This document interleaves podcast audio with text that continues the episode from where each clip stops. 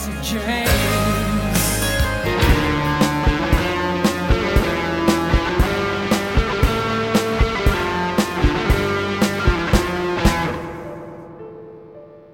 Hej och välkomna till Demonpodden!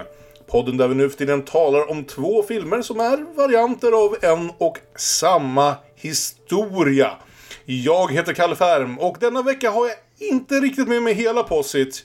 Men jag har i alla fall Björn Waller Howdy partner. och Olof Ekström. Evening. För att positen ens skulle uppnå en liksom normalstor storlek skulle vi ha haft Aron och Eriksson här med oss. Men det har vi tyvärr inte. Så det blir en något förminskad styrka som ger sig ut på vildmarkerna denna gång. När vi ska tala om westernlegenden Jesse James och hans mördare och kompis kanske. Och ja, de hade lite tvetydiga förhållanden till varandra som vi kommer diskutera i mer detalj. Robert Ford, när vi tittar på Andrew Dominics The Assassination of Jesse James by the Coward Robert Ford och Sam Fullers I Shot Jesse James. Som är två filmer som definitivt nuddar vid varandra i precis som berättar den här historien men också verkar ha ganska olika bilder av det hela. Jag tyckte det här var en ganska spännande dubbel i just bara att se inte hur, bara hur historierna skiljer sig från varandra trots att de borde vara samma historia någonstans men också just hur vi har utvecklat och förändrat just den här genren under 50 års tid. Det är objektivt samma historia på något sätt. Eh, Men, det, men de är ju inte speciellt lika varandra. Jag blev mer och mer tveksam när jag läste på om det här huruvida någon av filmerna Alltså de, den ena, jag skulle säga att Dominics film förmodligen närmar sig verkligheten mer än vad Sam Fullers film gör. För Sam Fullers film verkar mer eller mindre vara påhittad. Som Ja. utifrån liksom ett par tydliga punkter att vi vet när Jesse James dog, vi vet när Robert Ford dog. Och Mm. var, ungefär. Eh, och sen utifrån det har den bara liksom fått kommit på, undra vad som hände däremellan, det kanske var något kul. Eh, medan jag i alla fall får känslan av att Andrew Dominics film är lite mer baserad på faktiska händelser, även om den också tror jag tar sig en hel del friheter. Andrew Jo. Dominic tar sig friheter med en biografi. Vem kan tänka sig något sådant? Nej, det har säkert aldrig hänt varken förr eller senare. Nej, precis. Men det är väl också lite grann poängen med det här att Jesse James är en så mytologisk figur att det finns egentligen inte en sann berättelse. Nej. Du kan inte berätta historien om Jesse James eh, och hålla dig 100% till sanningen därför att myten runt honom är så stor. Och var så Precis. stor redan under hans livstid. Mm. Så att på sätt och vis så stör jag mig lite grann på att, och det är ju eftersom man nu dessutom har sett Blond och har fått ett helt nytt batteri av skäl att störa sig på Andrew Dominic. så känns det lite grann som att, jo, The Assassination of eh, Jesse James by the Coward Robert Ford, vi ska inte säga den titeln varje gång. Nej, vi får hitta på någon, någon mer shorthand tror jag. Ja, den håller sig mycket närmare den objektiva sanningen, men det är ju inte en attityd att den inte mytologiserar. För Nej. det gör den ju utav bara Det gör den ju helvete. fortfarande. Ja. Definitivt, ja. ja Jag vet inte om vi liksom ska observera elefanten i rummet direkt, nämligen att en av orsakerna till, det fanns flera orsaker till att jag, att jag eh, valde de här två filmerna. Eh, Mm. Dels var jag sugen på just det här att faktiskt, vad ska vi säga, se två filmer som i någon mån försökte spegla liksom faktiska händelser. Jag funderade på lite olika biopics man skulle kunna ta och även när jag sen var nere på att att det var intressant just med den här liksom de olika bilderna som kan ges av någon slags western-myt. Så behövde jag ändå välja mellan, jag kunde ha tagit The Left-Handed Gun och Pat Garrett and Billy the Kid. Och jag kunde, kunde ha tagit, vad heter det? Young Guns. Ja, precis. Jag tittar även på lite Wild Bill Hickok-alternativ och sånt där va. Men eftersom Andrew Dominic hade jag känn på och precis de här veckorna mellan att vi bestämde att vi skulle göra det här avsnittet och att vi sen faktiskt spelar in det så har ju verkligen bajset blåst hela vägen in i fläkten vad gäller Andrew Dominics nya film eh, Blond. Hans så kallade Marilyn Monroe biopic som eh, i alla fall jag och Björn vet jag satt oss också och såg inför det här. För våra synders skull. Olof, satte du och såg den? Jag satte mig och såg den faktiskt också. Efter, efter att jag hade eh, både att jag hörde er prata om den men också för att vi skulle prata om, eh, om just den här filmen. Och eh, jag är inte så bekant med, med Andrew Dominic. Eh, så att jag tänkte jag kan se Blond också. Det kanske mm. Det kan, det, det, kan ju vara kul med en film som ändå har varit så omdiskuterad som, som den har varit. Ja, exakt. Att, det känns att man ändå den. ville se den bara för att hänga med i liksom ja. generella samtal vi ska väl inte glida in allt för mycket på Blond men, kanske, men, men det är lite intressant eh, när man nyss har sett Assassination att, att se också Blond och fundera kring eh, Andrew Dominics eh, förhållande till verkligheten. Mm. Och, och, och, till, och, till mytologiserande ja, till mytologiserande. Av såna här, liksom, ja, precis, mm. av sådana här verkligen liksom personer som inte bara är, liksom är kända personer utan bokstavligen talat ikoner över det här laget. Nästan ja. myter liksom. Även om vi också. vi har betydligt Absolut. bättre koll på vad som faktiskt hände Marilyn Monroe än vad som faktiskt hände Jesse James kanske. Ja, på sätt och vis har vi ju inte det, för det spekuleras ju fortfarande exakt hur Marilyn Monroe växte upp och exakt hur hon dog och så vidare. Medan det vet vi ganska säkert med Jesse James. Det är sant. Eh, vi vet ganska säkert att eh, Jesse Woodson James föddes 5 september 1847, växte upp i en slavägarfamilj i södern. Mm. Och som den övertygade sydstatslojalist han var så gick han redan som 15-åring med i en gerillatrupp under inbördeskriget. Mm. Drog runt och massakrerade både civila och eh, nordstatare mm. i några år. Och när det sen blev fred så bytte han helt enkelt uniformen mot en bandituniform och fortsatte ha ihjäl nordstatare. Fast nu var han inte dummare än att han såg till att sprida myten att eh, han slogs, att han tog från de rika och gav åt de fattiga. Det gjorde han faktiskt aldrig, men han tog från de rika i alla fall. Och han tog från de fattiga också. Han, han, han, var inga, han hade inga skrupler där. Nej, det finns väl inget som tyder på att han hade några eh, verkliga Robin Hood-ambitioner. Men det, men det kan säkert vara så att han spred myten om sig mm. själv, som du säger. Absolut. Och, och, och, att han var inte dummare heller. Både han och ett antal journalister som gillade att lyfta fram honom förstod ju att det fanns en enorm revanschlusta i södern. Mm. Så de verkligen sålde in den här bilden av den här unga mannen som slogs för söderns upprättelse genom att råna de rika nordbornas tåg och banker. Eh, fråga mig om, han, om de uppträdde i Ku Klux Klan-uniformer eller det behöver ni inte göra för det antyds faktiskt i Andrew Dominics film även om mycket av det här hoppas över. Mm. Båda de här filmerna, ingen av de här är ju liksom den klassiska liksom från vaggan till graven biopics utan The Assassination of Jesse James berättar noggrant, mer noggrant historien om hans sju sista månader på jorden och sen har den en tio år lång epilog. Och eh, I Shot Jesse James har ungefär samma tidsperiod fast den eh, skippar mycket av de där sju månaderna. Den berättar kanske de sista två dagarna och sen ungefär samma tio år. Mm. Eh, lite mer noggrant än vad epilogen på The Assassination gör. En lite övergripande spaning som vi får fördjupa här strax men eh, det går lite för långsamt i den nya filmen, det går lite för snabbt i den gamla. Det är den korta sammanfattningen av de här två filmerna, tycker jag. Men... Mm. Jag, jag håller inte med. Jag, jag tycker att Assassination of Jesse James är ett regelrätt jävla mästerverk där jag, där jag verkligen liksom zonar in i den och fångas av den och aldrig egentligen har några problem med tempot. Men det här vet jag sedan gammalt också är en av mina, där jag ofta skiljer mig från väldigt många av mina filmtittarkompisar. Att jag har mer sällan än många andra problem med, med tempot i filmer. Så, så jag kommer sitta här och försvara Assassination of Jesse James samtidigt som jag är så fascinerad av det här i hur han lyckats göra två, liksom sagt, mytologiserande biopics där jag tycker den ena prickar målet och den andra så fullständigt missar målet. Även Blond, som jag skrev i min lilla recension på Letterboxd, är förmodligen liksom den mest välgjorda dåliga film jag sett på jävligt länge.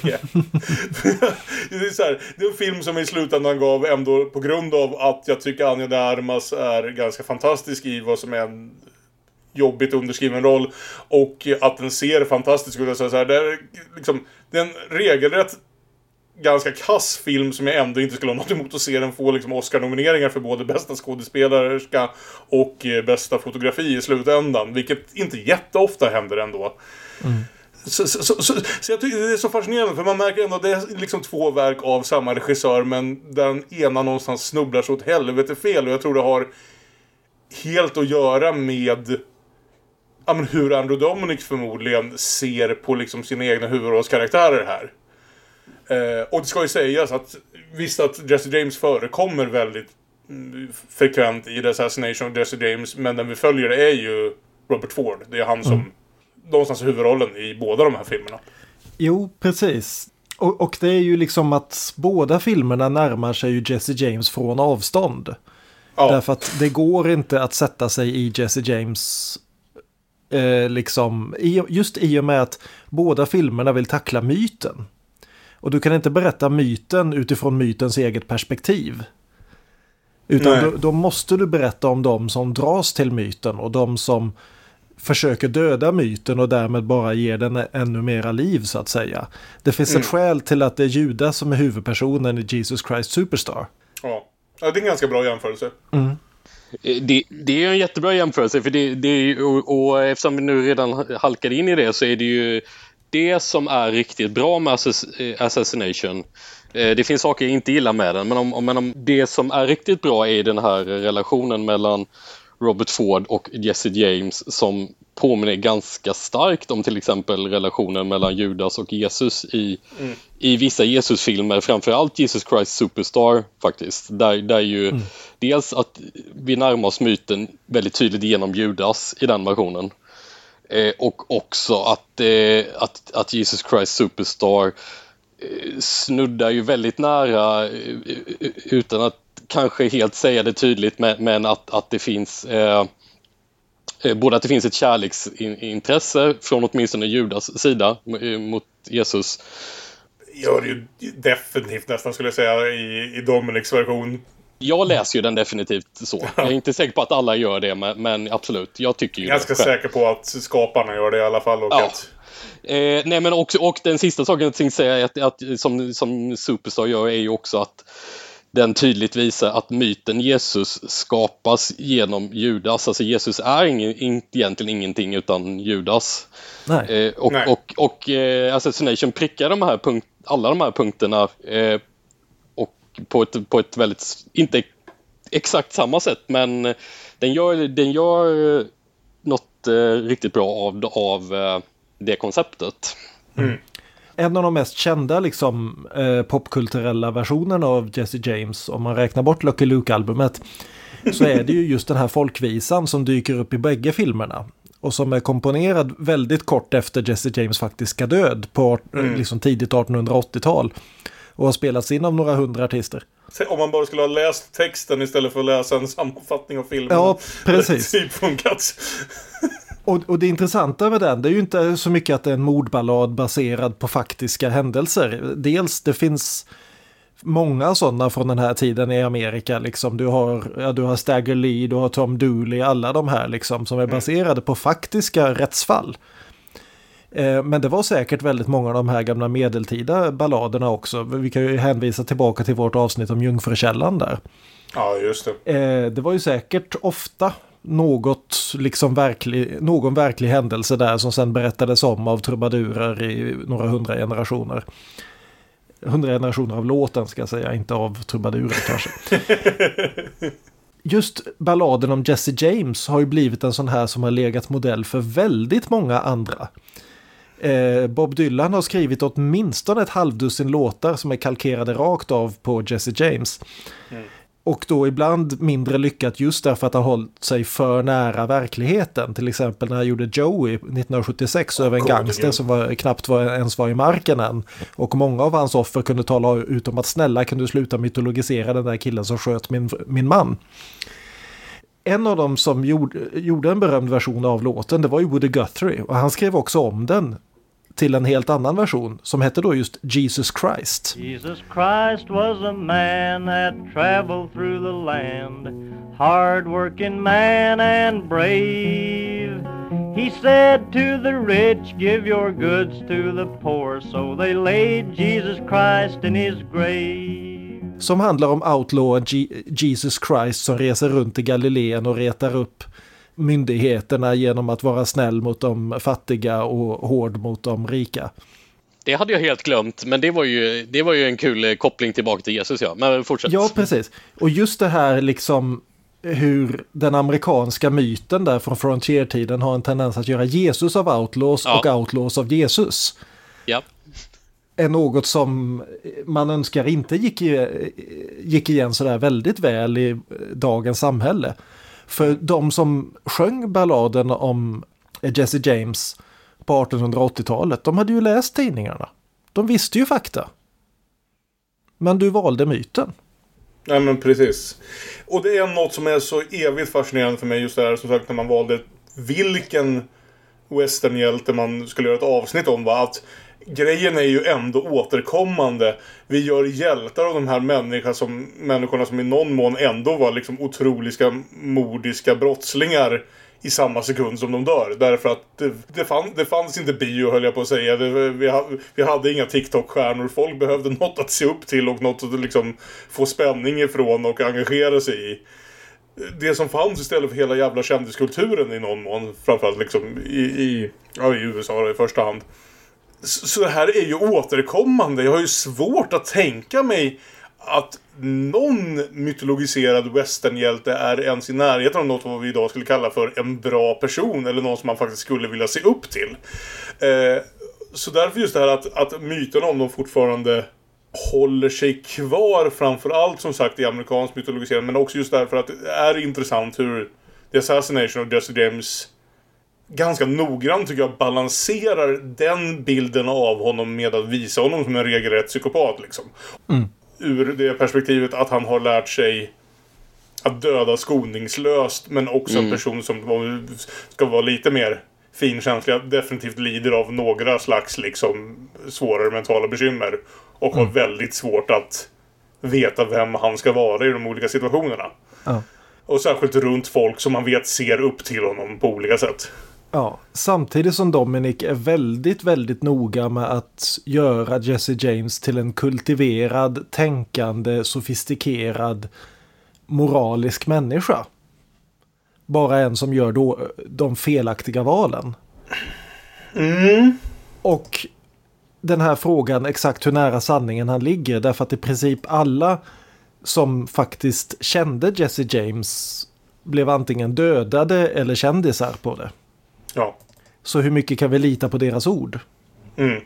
Det finns ju ett uttalande av Samuel Fuller, jag vet inte om vi ska ta det nu, men Jo men jag tycker vi, det, det här är ett avsnitt ska vi väl säga. Vi kommer väl, bara för att historierna glider in i varandra ganska smidigt. Man kan väl säga att vi tekniskt sett kommer diskutera båda två mot varandra. Men eh, eftersom Assassination of Jesse James främst utspelar sig innan punkten där I Shot Jesse James tar vid. Så blir väl det liksom eh, ganska naturligt ändå någonstans att låta de här diskussionerna glida in i varandra. Jag tror inte ens man behöver liksom dela upp det så. I Shot Jesse James har ju det mer sympatiska porträttet av, av Jesse James så att säga. Åtminstone Absolut. på ytan. Fast han är också mer av ett monster. Ja, för, för sin tid så var den ju väldigt revolutionerande därför att då hade Jesse James liksom i 70 år framhävts som en Robin Hood. Då har ju liksom Samuel Fuller sagt följande om varför han ville göra den här filmen. Att One of the most despicable, ruthless, falsely publicized characters in the American Western folklore, Jesse James, a true bastard. He was so low that his first job was to rob a train with his brother, and the train was a hospital train filled with wounded soldiers. They killed all the wounded soldiers and took the few dollars. He and his brother were two illiterate, uncouth rats. But thanks to many pop magazine writers, he was celebrated, and over a period of years, he became a hero. Så det, det är liksom, han vill inte göra den här filmen för att haka på myten, utan han ville göra den för att vrida försöka vrida tillbaka myten. Se till vilken slags människor är det som skockas runt en sån här Messias. Så är det ju. Och det intressanta med den filmen är ju också, för jag tänkte på det när jag... Jag hade inte sett I Shot just James tidigare, ska jag säga. Assassination är säkert... Jag tror tredje gången jag ser sen den kom ut eh, 2007. För just det faktum att den väljer även den att fokusera på Robert Ford. Liksom bara det tyder ju på att den vill ha ett annat perspektiv på den här myten. Det hade redan bara tio år tidigare kommit liksom mer raka biografier av- liksom, av Jesse James. Eh, när Henry King gjorde Jesse James och sen gjorde Fritz Lang. Jag funderade ett tag på om vi skulle välja den här filmen istället, men vi hade ju Fritz Lang förra veckan. Gjorde Fritz Lang en Jesse James-film? Fritz Lang gjorde Alltså, Henry King gjorde en film som bara hette Jesse James. Ja. Som var liksom alla de klassiska myterna. Sen gjorde Fritz Lang uppföljaren The Return of Frank James. Som är om när Frank, spelad av Henry Fonda, ska jaga ner eh, Robert och Charlie Ford. Och den är i stort sett lika påhittad som väldigt mycket av I Shot Jesse James, så vitt jag kan märka. Och, och, nu, och nu tänker du tala om för mig att, att eh, Liam Neesons farfar spelade Frank James i, i den här filmen. Ja, precis. Nej, Frank James var Henry, var Henry Fonda i den. Ja, ja det, det funkar också. Det är Henry Fonda eller Liam Neeson. Så det hade ju precis gjorts ganska populära, stora Jesse James-filmer bara tio år tidigare. Då undrar jag, eh, alltså I shot, I shot Jesse James, den är, ju, den är ju lite plötslig. Både att den är väldigt kort och att den startar väldigt plötslig. Men den kanske, man kanske måste se det som att man, man kommer som biopublik till den här filmen och redan, redan vet en jävla massa om Jesse James. Så att eh, den försöker väl bara vara lite effektiv då den här filmen. Om den ändå ville ta itu lite grann med myten. Det behöver man inte återberätta för alla vet redan den. Det misstänker jag, det är som att starta JFK med att han blir skjuten i huvudet liksom. Ja. Eh, det är ingen som bara, vad hände nu? Vem var den här killen? 2007 kanske inte alla, ja, väl, de flesta har hört talas om Jesse James fortfarande. Det är Ja. ändå fortfarande en väldigt Alltså, välkänd namn, person. namnet ja, men kanske inte detaljer liksom. Nej, Ja. myten, myten är ju inte lika levande 2007 som 1949 tror jag ju inte. Nej, det är det jag tänker. Särskilt inte med tanke på alla, precis hur mycket westernfilmer som gjordes där omkring liksom. Så jag därför finner jag det intressant just att även Sam Fuller, som ska vi säga här nu, Sam Fuller går ju vidare, här får jag ta Aron-rollen lite grann, och blir något av en hårdkokt autör i sin egen rätt. Men det här är hans allra första film. Han, hans första regisserade film, ja. Ja, Ett, ett, ett av hans första filmuppdrag var ju att filma befriandet av koncentrationsläger under andra världskriget. Mm. Så vi kan snacka om en kille som var hårdkokt från första början. Ja, men snacka om bara. För grejen är så här, vi har ju pratat lite, jag kommer inte ihåg vilka avsnitt exakt, men ibland har vi ramlat in på den här diskussionen om, om Hays-koden som ju räckte fram till 1967 i Hollywood. Som liksom bestämde vilka moraliska regler som alla producerade Hollywoodfilmer behövde följa. Och ingen visste precis så mycket hur man tände gränserna på den här jävla Hays-koden. Och verkligen drog den rätt ut till liksom bristningsgränsen än vad Sam Fuller visste eh, redan på 50-talet. Eh, mina två favoritfilmer av honom är väl liksom Pick Up on South Street som är en av de absolut bästa, tajtaste noir-filmerna jag vet. Just för att den vet precis vart gränsen går samtidigt som den lyckas ha en oväntat, vad ska man säga, djup noir-hjälte någonstans i det här som får visa en riktig jävla skitstövel men som lyckas få in liksom lite hjärta bakom allt det. Och sen vill jag också bara nämna hans The Crimson Kimono från 1959 som var chockerande! En absolut jävla bombnedslag i den amerikanska kulturen. Vet ni varför? Man får se eh, nakna anklar. Nej! Hjälten är japanamerikan. Och nej. Bokstavligt talat, vi har en japansk-amerikansk huvudroll och polishjälte. Som inte bara liksom är hjälten och huvudrollen i en amerikansk film. Utan han får dessutom ihop det med, med en vit amerikansk flicka. Sp- Spelas han till och med av en eh, asiatisk skådespelare? För det var ju inte alltid fallet om man säger så på typ Nej, 40, det, var det. 40 Nej, det, är inte, det är inte en Mickey Rooney-situation. Nej, det är inte så i alla fall. Nej. Nej, han spelas av James Shigeta som sen är mest känd för att eh, Alan Rickman skjuter skallen av honom när han är the president of the Nakatomi Corporation Ah. i början av Die Hard. Ah, okej. Ja, han är väl amerikansk japan, ja. Ja, precis. Och eh, jag har läst någon intervju med honom och han, eh, en, en av alla de som behövde sitta i läger under andra världskriget och så vidare eftersom de inte ansågs riktigt pålitliga. Eh, och sen så fick han faktiskt spela den första japansk-amerikanska filmhjälten i någon mån, eh, 15 år senare. Den filmen är skitbra eh, också. Eh, on South Street är min Sam Fuller-favorit, men, men jag rekommenderar även den. Det finns en del andra bra också, men det hinner vi inte gå igenom. Aron är inte här. Nej. Nej, så just det här Sam Fullers val att även han fokuserar på Robert Ford och att Robert Ford roll i den här filmen är ju inte nödvändigtvis den av en rak hjälte på något sätt, men den försöker ju definitivt omforma honom lite av, skulle jag säga, från vad folks liksom, ja men från bilden av The Coward Robert Ford, alltså den man får av låten. Filmen slutar med att han dör och att en mer lämpad man får hans kvinna gissningsvis. Så är han ju ändå inte liksom okomplicerad i någon bemärkelse. Mm. Nej, för, för, för låtskildringen är, är väl eh, rätt negativ mot Robert Ford, ja. Och alltså ingen av de här filmerna som vi pratar om nu lyfter ju fram honom som, som en entydigt bra person. Men, men eh, om man nu vill eh, skapa en ny Robert Ford mot bakgrund av hur myten har sett ut och den här låten som alla, alla har hört så är det väl kanske lite konstigt att Sam Fuller inte lägger lite mer energi på det ändå. I Dominic-filmen så eh, skapas ju ett intressant det skapas lite motiv till, eh, till att försöka förstå hur, eh, hur Robert Ford har blivit indragen vi får myten analyserad lite grann. Han, han har blivit matad med den här myten sedan han var liten och han kan inte riktigt undfly den här myten. Han blir indragen i den och, vare sig han vill eller inte. Och, och det är massa sådana här mekanismer som den filmen mm. försöker skildra. I, i, i Fulle-filmen den gör det ganska enkelt. Den har ju det här med att han vill få ja. pengar för sitt äktenskap. Men det känns som en lite halvhjärtad förklaring som jag inte riktigt vet om filmen ens ja. tror på själv. Till en, till en kvinna ska vi säga som så vitt jag vet aldrig ens fanns i verkligheten. Nej. Men det jag vill komma åt lite grann som jag finner intressant just som bara en allmän skillnad mellan de här två versionerna och deras spegling av Robert Ford. Är väl lite det här vi kom in på när vi pratade i en kvart om The Power of the Dog på vår årslista. Nämligen att i den gamla bilden av western, alltså den som mytologiserades och kanske även liksom faktiskt i det samhället. Så ja, du kunde, du kunde vara ond eller du kunde vara god, eller det var väldigt lätt. Men du kunde vara liksom en sheriff eller du kunde vara en rånare. Ingenting var värre än om du var omanlig.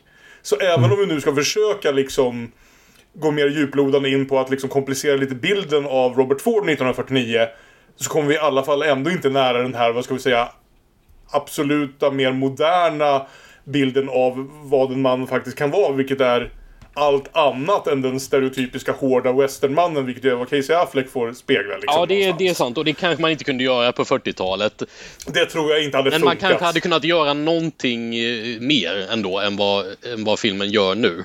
Ja, jag tycker inte I Shot Jesse James är världens bästa film, det måste jag ju säga. Den har en hel del intressanta grejer, särskilt i förhållande till liksom, den andra filmen. Men visst, en film som lämnar mig lite så här... En, en känsla av att det hade kunnat göra så mycket mer om vi inte hade att göra med den budget vi har och den tidsera vi har. Det som filmerna har, har gemensamt, eh, som ändå är intressant för att I Shot Jesse James ändå eh, är från 40-talet, är ju att det också är en, en westernfilm som är en karaktärsstudie i rätt stor utsträckning. Det är inte den här traditionella western actionfilmen. Och det får jag väl ändå en känsla av att det är något som i lite större utsträckning har kommit mycket senare. Eh, och att den känns lite tidig på det sättet. Den kanske inte alltid är riktigt tillräckligt intresserad av sina karaktärer, möjligen för att faktiskt utveckla dem ordentligt. Men, men eh, det är ändå ett, ett, ett upplägg som sticker ut lite för filmens ålder. Ja, men, men samtidigt så om vi ska börja komma in på The Assassination så är det ju att Absolut. Den, är ju, den är ju inte heller en typisk actionfilm på något vis. Åh oh, nej, absolut inte. Nej, absolut inte. Den satt ju på hyllan i hela två år. Medan Dominic och studion slogs om exakt vilken sorts film det skulle vara. Hur, hur den skulle klippas liksom. Jag tror hans första klippning var typ fyra och en halv timme lång. Ja, härligt. Eh, varav, då, varav då hälften är sånt som händer de sista 20 minuterna av filmen nu. Ja, precis. Va? Att Jesse James mord är mycket mer nära... Alltså, det är en hel akt kvar av filmen i stort sett. Ja, efter precis. Jesse James dör i stort sett. Ja. Jag har förstått samma sak där. Och eh, mm.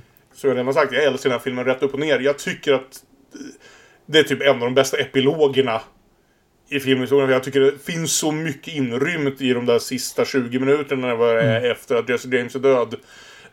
Så att där filmen verkligen liksom någonstans solidiferar hur mycket jag tycker om den. Jag blir så enormt sorgsen av den någonstans. Mm. I den punkten. Uh, Ja, alltså, jag, jag, tycker att filmen är för lång fortfarande. Jag, jag, den är för lång i sin helhet, men jag tycker också att det är ganska många scener som är för långa. Att Dominic inte riktigt har vetat när han ska klippa är, är en känsla som jag får. Eller, eller att no, någon har suttit i saxen och, och att filmerna dröjer för länge på konstiga saker.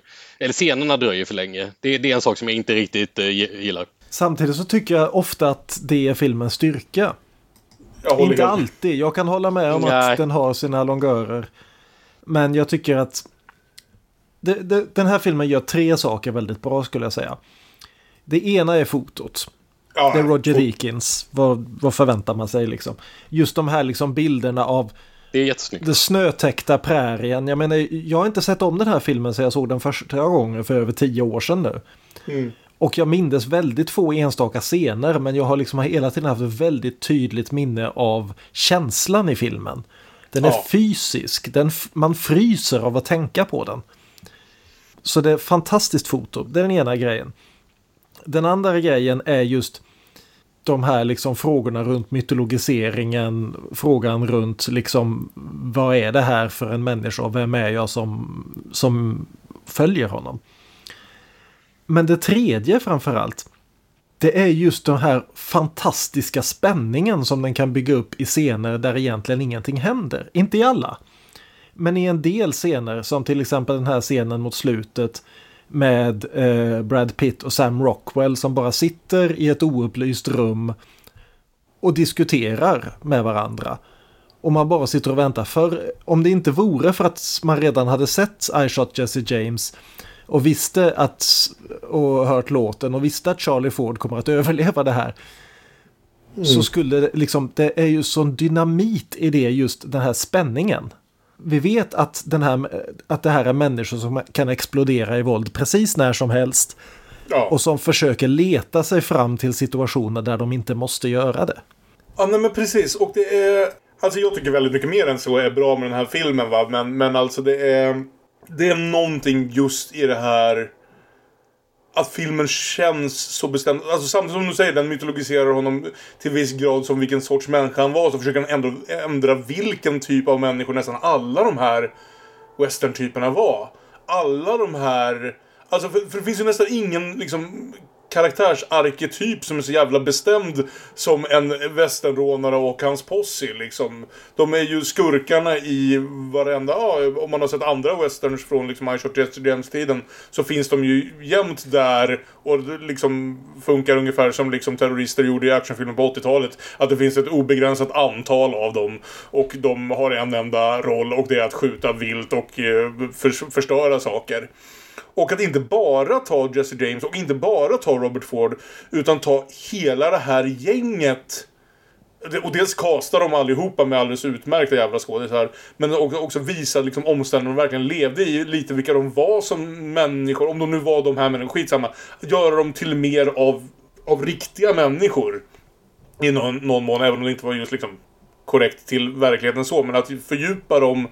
Att visa att Även de var rädda, även de kämpade med att leva upp till den här rollen de hade funnit sig i och hur de beskrevs.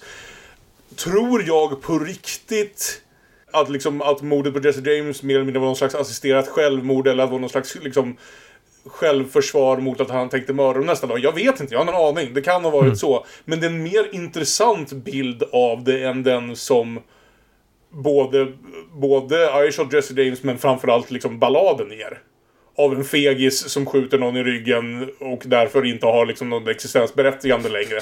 För att han bara vill ha pengarna. Eh, om, vi- om vi ska komma, ska vi ta en summering av filmen? The Assassination of Jesse James by the coward Robert Ford visar oss i nära detalj de sista sju månaderna av den redan när filmen startar legendariska westernbrottslingen Jesse James liv. Hur han samlade ihop sitt sista av många gäng tillsammans med sin bror Frank. Hur de rånade sitt sista tåg tillsammans innan Frank bestämde sig för att det här var, den här skiten duger inte längre. Hur han sedan inte nödvändigtvis blev vän med brorsorna eh, Robert och Charlie Ford men skapade något slags förhållande till dem. Och hur framförallt Robert Ford som var hade dyrkat Jesse James och sen i någon mån vill jag säga, kanske tolkar in redan i beskrivningen av handlingen, blir besviken av verkligheten av honom Eh, och känner sig liksom nobbad av honom. Tar sin chans att mörda honom och, och hoppas plocka hem en belöning på detta när eh, chansen ges. Och därefter får vi en ganska en epilog på de sista tio åren av Robert Fords liv även ända fram tills att han i sin tur mördas av en person som vill nå, eh, i sin tur nå berömmelse genom att skjuta Jesse James mördare. Ja, något sånt. Och en bit som jag verkligen älskar rent i hur den görs estetiskt och med, ska vi säga, Nick Caves och Warren Ellis musik som Ja. är den Nick Cave-skiva jag lyssnat mest på på 20 år. Över det är ju just de här berättarröstbitarna. Han gör valet någonstans att ha en berättarröst som sätter ord på det här mytologiserandet någonstans. Som nästan blir den biten som mytologiserar karaktären mest. Och som nästan blir intressant just därför att jag ibland känner att bilden som berättarrösten ger mig av Jesse James inte alltid överensstämmer med hur Brad Pitt faktiskt spelar honom. His children knew his legs, the sting of his mustache against their cheeks. They didn't know how their father made his living, or why they so often moved. They didn't even know their father's name. Att det nästan är som att liksom en halva av filmen ger myten och den ibland kontrastar en del mot, mot personen jag faktiskt ser framför mig. Jag tror inte att jag gillar berättarrösten speciellt mycket faktiskt. Nej, men Jag hade nog lite svårt att se poängen med den.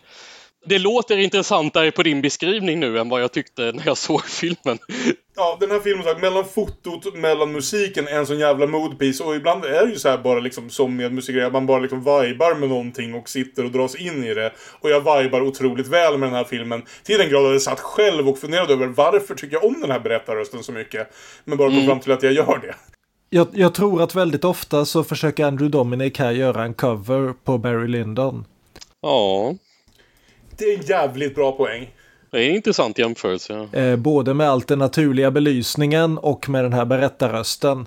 Bara med skillnaden att jag tycker att eh, Kubrick har bättre koll på vad berättarrösten ska fylla för syfte. Att Kubricks Ja. berättarröst är hela tiden fel ute med mot vad som visas på, på bilden och det är en poäng med det. Det är mycket tydligare vill jag också minnas. Jag, att, att, att, och jag, jag förstod nog inte riktigt den poängen i, eh, i Dominics film. Att ibland kändes det som att den beskrev sånt som jag tänkte, men det här kan jag väl se själv för fan. Sen, sen kan jag tycka att det är en kul detalj att berättarrösten görs alltså av Hugh Ross. Vem är Hugh Ross? Jo, han var en av medhjälparna till klipparen. Han har inga andra liksom IMDB-credits som skådespelare överhuvudtaget. Han har en fantastisk röst. Han är, jag skulle gärna lyssna på lite du vet, ljudboksinläsningar av honom. Det var bara en ren placeholder tills de liksom skulle plocka in typ Sam Elliott eller någon och göra berättarrösten. Men de kom fram till att nej, men det, det var bättre så Ja, här. varför har inte han fått fler jobb då? För rösten är det ju inget fel på. Det är inte som att man tänker att det här inte passar in av det skälet. Jag tänker någonstans att, att rösten finns där för att påminna oss om den mytologiserade och välvilliga bild av Jesse James som hans samtid och även väldigt mycket av den senare mytologiserandet hade för att Dels tror jag att den används, om jag ska vara cynisk, används den i viss mån för att klippa ihop det bortklippta materialet. Så, så är det säkert. Ja. Men också därför att jag tror att det finns en risk framförallt kring mitten av filmen att, att Jess James har blivit filmens skurk. Alltså mer regelrätt än vad han redan är. Mm, hur förklarar Hur tänker du då? Eh, Att någonstans halvvägs genom filmen tycker jag att, eh, att vi kommer så långt in i historien att han börjar bli så pass desperat. Han börjar jaga upp sina gamla kom- kumpaner och liksom mörda dem. Och han börjar verka eh, ja, men mer unhinged om man så vill. Alltså, och mordisk på ett, inte på sitt vanliga sätt när han gör det för att liksom råna tåg eller något annat. Utan bara liksom våldsam och eh, irrationell. Att jag tror att det hjälper till att skapa någon slags balans i karaktären. Att inte göra honom till någon slags liksom, eh, snarare till liksom något slags skräckfilmsmonster. För Jesse James tycker jag är under Brad Pitts andra timme av den här filmen, för jag tror han dör bra strax efter, efter två timmars punkten tycker han är direkt jävla läskig. Jag började tänka tillbaka på Brad Pitt i, i 12 Monkeys, lite mer baserad. Han, han, börjar, han börjar flippa ur lite helt enkelt. Han började flippa ur lite till den grad jag tänkte att Alltså, för grejen är att vi ser så väldigt mycket av det här, även om det inte är en film som liksom Tax Driver något där varenda scen är sedd från Robert Fords perspektiv. Så vid något tillfälle blir ju de, alltså brorsorna där, Bob och Charlie Ford, blir ju rädda för honom. De misstänker ju vid varenda stund att hans nästa drag kommer vara att mörda oss och måste vi försöka döda den här personen som vi har liksom litat på och följt och vi vet hur farlig han är. Måste vi försöka döda honom innan han dödar oss? Och vid det laget blir han ju lite av liksom en, av liksom en skräckfilmskurk någonstans. Men man alltid undrar om det är det han föreställer sig. Alltså lite dämpat såklart av att vi vet hur historien, alltså till och med titeln berättar hur historien måste sluta. Mm. Men också att, som Björn säger, det finns långa tysta scener där bara liksom spänningen karaktärerna emellan är så jävla påtaglig.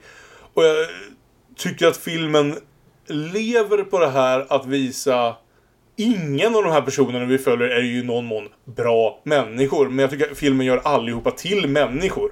Alla und Mm. undslipper arketypen. Alla i det här gänget i stort i någon mån gör det. Framförallt eh, Jesse och bröderna Ford. Jo, men det gör den med, med, de, med de stora karaktärerna. Möjligen att den slarvar lite ibland med, med de eh, snäppet mindre karaktärerna som jag ibland kan ha lite svårt att eh, tydligt hålla isär. Okej. Ja, det, det är kanske jag som känner igen alla skådisarna där, men... eh, eller Så här. Jag tycker den slarvar lite mer med dem. Det är ju många väldigt, väldigt bra skådisar som får väldigt, väldigt lite att göra här. Ja, Mary Louise Parker har vad, vadå, en replik i hela filmen. Garrett Dillahunt får en fantastisk scen men vadå, fyra repliker sammanlagt över två timmar. Fast den där scenen med honom i stugan som är ändå en dialogscen med honom och Jesse är så jävla bra. Ed, how you feeling now? Why? You're acting queer. Well, you and me ain't been just real good friends lately. I was terrified I saw you ride up. I just happened by, Ed. Uh, suppose you heard gossip, though. Suppose you heard you heard Jim Cummins come by here. You might have thought that we we we were planning to capture you or get that reward, and, and, and that ain't true. But you might have suspected it. Haven't heard a lick of gossip lately. I got six hundred dollars stashed away. I, I don't need no governor's reward. Well, it's principle, too.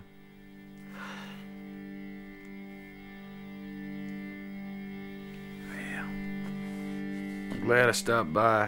Oh, me too. Så, så han lever på den känner jag då. Men visst, visst. Pat Healy som bara sitter med vid bordet i tio minuter och knappt finns.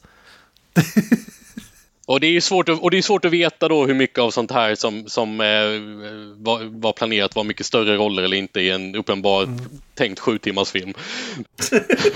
men, men, men, men det är ju karaktärer som är gör väldigt små grejer. Det är inte obetydliga grejer utan det behövs vara där. Men, men samtidigt så är det karaktärer som jag då tänkte inte riktigt byggs ut på ett sätt att jag riktigt förstår vilka det är. Nej. Och sen också en del sådana här riktigt konstiga castingar av väldigt bra skådisar som Sam Shepard som ska spela Frank eh, James. Som är nästan exakt dubbelt så gammal som Frank James var i verkligheten och ser ut som Exakt, det. alltså, och, som alltid med Hollywood, alltså åldersförhållandena mellan skådespelarna och personerna de ska spela är ju helt åt helvete i båda de här filmerna. Det är väl ganska off. Det ska inte vara så, så himla stor åldersskillnad eh, mellan Frank och Jesse James egentligen. Eller? För det, här, känns, här känns det ju som Frank är en, är en äldre farbror eller något. De, de var 34 och 38. Och här känns det ju som att det är minst 25 år skillnad. Men visst, de, ja, de har fått Brad Pitt att se rätt bra ut här i och för sig. Då. Så att, eh, han, men han, Brad Pitt har alltid sett ut att vara typ, ja, eller ja, inte alltid, men sen liksom eh, början av 00-talet så har han alltid sett tio år yngre ut än han faktiskt är. Ja, det är så nästan som det man skulle kunna tro att han är en skådespelare. Ja, det är ju en äh, åldersskillnad som skapa lite konstiga perspektiv då på de, på de rollerna. För det kan, det kan bli lite svårt att eh, köpa i huvudet att eh, de är brorsor. Men låt oss fortsätta.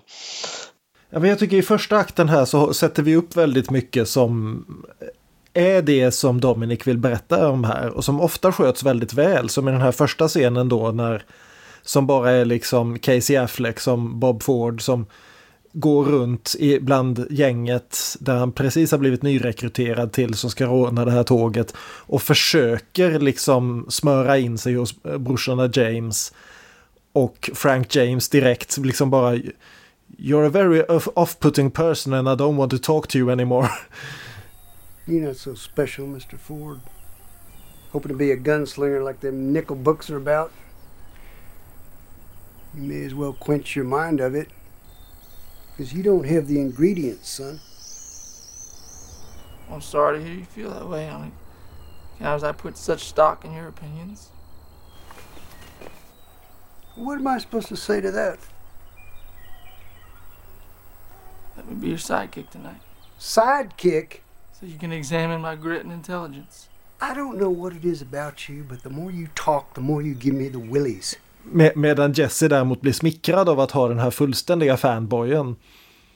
Där sätter han, sätter han upp det här väldigt bra. Sen har han också en, sån här, en del sådana här scener som han sen skulle bygga hela Blond runt. Där karaktärerna säger rakt in i kameran exakt vad man förväntas ta med sig av scenen. Som i den här scenen där han står och stalkar Jesse medan Jesse sitter och badar. En scen de har snott rakt av från Samuel Fullers fi- eh, film. Ja. Och Jesse vänder sig om och frågar Can't figure it out. Do you want to be like me? Or you want to be me? Och det är liksom, ja tack, det hade vi redan uppfattat så här liksom en halvtimme in Ja, i filmen. det var störigt. Ja, för det, det skildrar ju filmen ut, väldigt bra utan att behöva säga det. Så att det var ju... eh, Det är inte så att inte filmen lyckas uppnå det ändå. Nej. Kan jag få säga att det konstigaste, eller inte det konstigaste, men en av, en av sakerna jag tycker funkar så väl med den här filmen är att varje gång jag ser den nu då, de här tre gångerna, så börjar jag med att verkligen vara fullkomligt jävla skrivd out och tänka att Robert Ford är den obehagligaste jävla personen och han är så patetiskt jävla insmickrande och lite jobbig i alla situationer. Och sen så snarare liksom bygger filmen min sympati för honom till att vid det laget han dör två timmar och 40 minuter senare så så tror jag inte att han på något sätt var en jättetrevlig snubbe som förtjänade bättre men han jag förstår honom på ett så mer, mycket mer ingående sätt att jag, att jag verkligen känner för honom. Alltså, och nu tänker jag inte Robert Ford som faktisk människa, nu tänker jag på den Robert Ford som berättas i den här filmen. Alltså han är ju fortsatt eh, lätt till mycket obehaglig genom hela filmen. Men, men jag håller med om att känslorna ändå förändras. Eh, att, att man, eh, sagt, man, man får en förståelse för att, att han har haft Jesse James som idol eh, har gjort att han har dragits in i någonting som han inte riktigt kan kontrollera. Och, och, och att det styr hans liv på ett sätt som man inte riktigt vill klandra honom för allt för mycket. Och den här eviga, ja, e- eviga klausul om att jag, jag tror Casey Affleck är ett fullkomligt arsle som förmodligen borde sitta i fängelse i verkliga livet. Vi skiter i det just nu. Jag tycker han är fan jävla tastisk i den här filmen. Alltså just hur han långsamt lyckas förändra min syn av av Robert Ford under den här filmen. Med de här korta grejerna och just det här att jag tror att det finns inget mer frustrerande och det här är i och för sig drar vi liksom kopplingen mellan Just James och vår mer moderna kultur. Inget mer frustrerande än en överentusiastisk fanboy. Särskilt för de som de fanboyar kring. Och att min sympati för, för Robert Ford startar nog i samma ögonblick som han bryter sig loss från den personen. Den här fantastiska scenen halvvägs igenom vid, vid middagsbordet. Där han lägger fram för Jesse allt det här som han har sett som kopplingarna de däremellan. Och Jesse mer eller mindre bara hånar honom för det. Ja. Och den här kärleken som han har byggt upp väldigt mycket till liksom en sagofigur, inte till en verklig person. Vänds om till, eh, in, inte direkt hat, men definitivt ett slags liksom antipati eller fiendeskap. Där han inser att det här är inte längre en person jag kan följa, utan en person jag kanske måste slåss emot eller vara rädd för. Alltså både Brad Pitt och Casey, alltså skådespelarna rent generellt. Men det är ju Brad Pitt och Casey Affleck som är det centrala förhållandet här någonstans. Och som sagt, det finns absolut en... Ett visst mått av homoerotik här också någonstans. Framför, och även om den eh, förmodligen är ensidig. Eh, som jag tror spelar in och som sagt eh, tillbaka till Power of the Dog-diskussionen. Det fanns ingen plats för, den, för, för känsliga små, för Casey Affleck ser alltid ut som en ganska liten kille. För känsliga små killar som kanske liksom inte föll in i stereotypen av vad, vad liksom en cowboy skulle vara här någonstans. De finns inte i legenderna för att de mär- märktes inte eller de försökte vara några de inte var. Eh, och då istället ta en karaktär ur de här legenderna och visa upp honom som, som något som kanske ändå är närmare för de här personerna måste ha funnits liksom de med. Det är liksom inget nytt i mänskligheten. Jag, nej, jag ska det. Men också att det där liksom stämmer in på så många i det här gänget, inklusive Jesse själv egentligen i många lägen. Mm. Men eh, just att det här sättet att alla de här förhårdade brottslingarna, några är mer förhårdade än andra. Heter det förhårdad eller förhärdad? Förhärdad tror jag va? Ja. I, i Ja. Förhudad. Förhudade, förhudade brottslingar. Nå- några är mer eh, hårdskalliga än andra. Så väldigt mycket är liksom satelliter till Jesse. De kan inte ens prata med. Det, det är liksom som att se när George och Elaine har egna scener på Seinfeld och bara kan prata om Jerry därför att det är han som är huvudpersonen.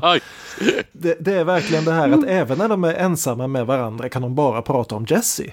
Därför att han är en så, det är liksom, ja men de är lärjungarna liksom. Vad fan ska de prata om om inte om mästaren? Det är därför de är där. Det är därför vi är, vi är här i, i- på grund av Jesse har sammanfört oss. Ja. Ja, och, och du har ju liksom den här, när du väl äntligen efter en och en halv timme in i filmen kommer fram till den första rejäla shootouten. Som äger rum i ett litet, litet sovmorgon upplyst av vinterljus. Där ingen kan sikta worth of fucking shit för allas pistoler är bara skit. Jeremy Renner och Paul Schneider går loss på varandra med Colt 45 på två meters avstånd och missar varandra flera gånger. Jag älskar den scenen.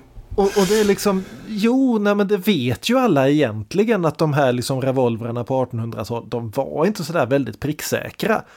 Och att liksom det var väldigt få, liksom de här duellerna som man alltid har sett på film där folk sköt ner varandra på 20 meters avstånd. De hände inte sådär faktiskt. Det hände kanske ett halvdussin sådana någonsin i hela vilda västerns historia. Och de vanns nästan uteslutande av den som var kallblodig nog att stå kvar och sikta ordentligt hellre än att bara slita upp pistolen och skjuta så snabbt man kan. Det där gjorde ju Clint Eastwood upp med också i Unforgiven.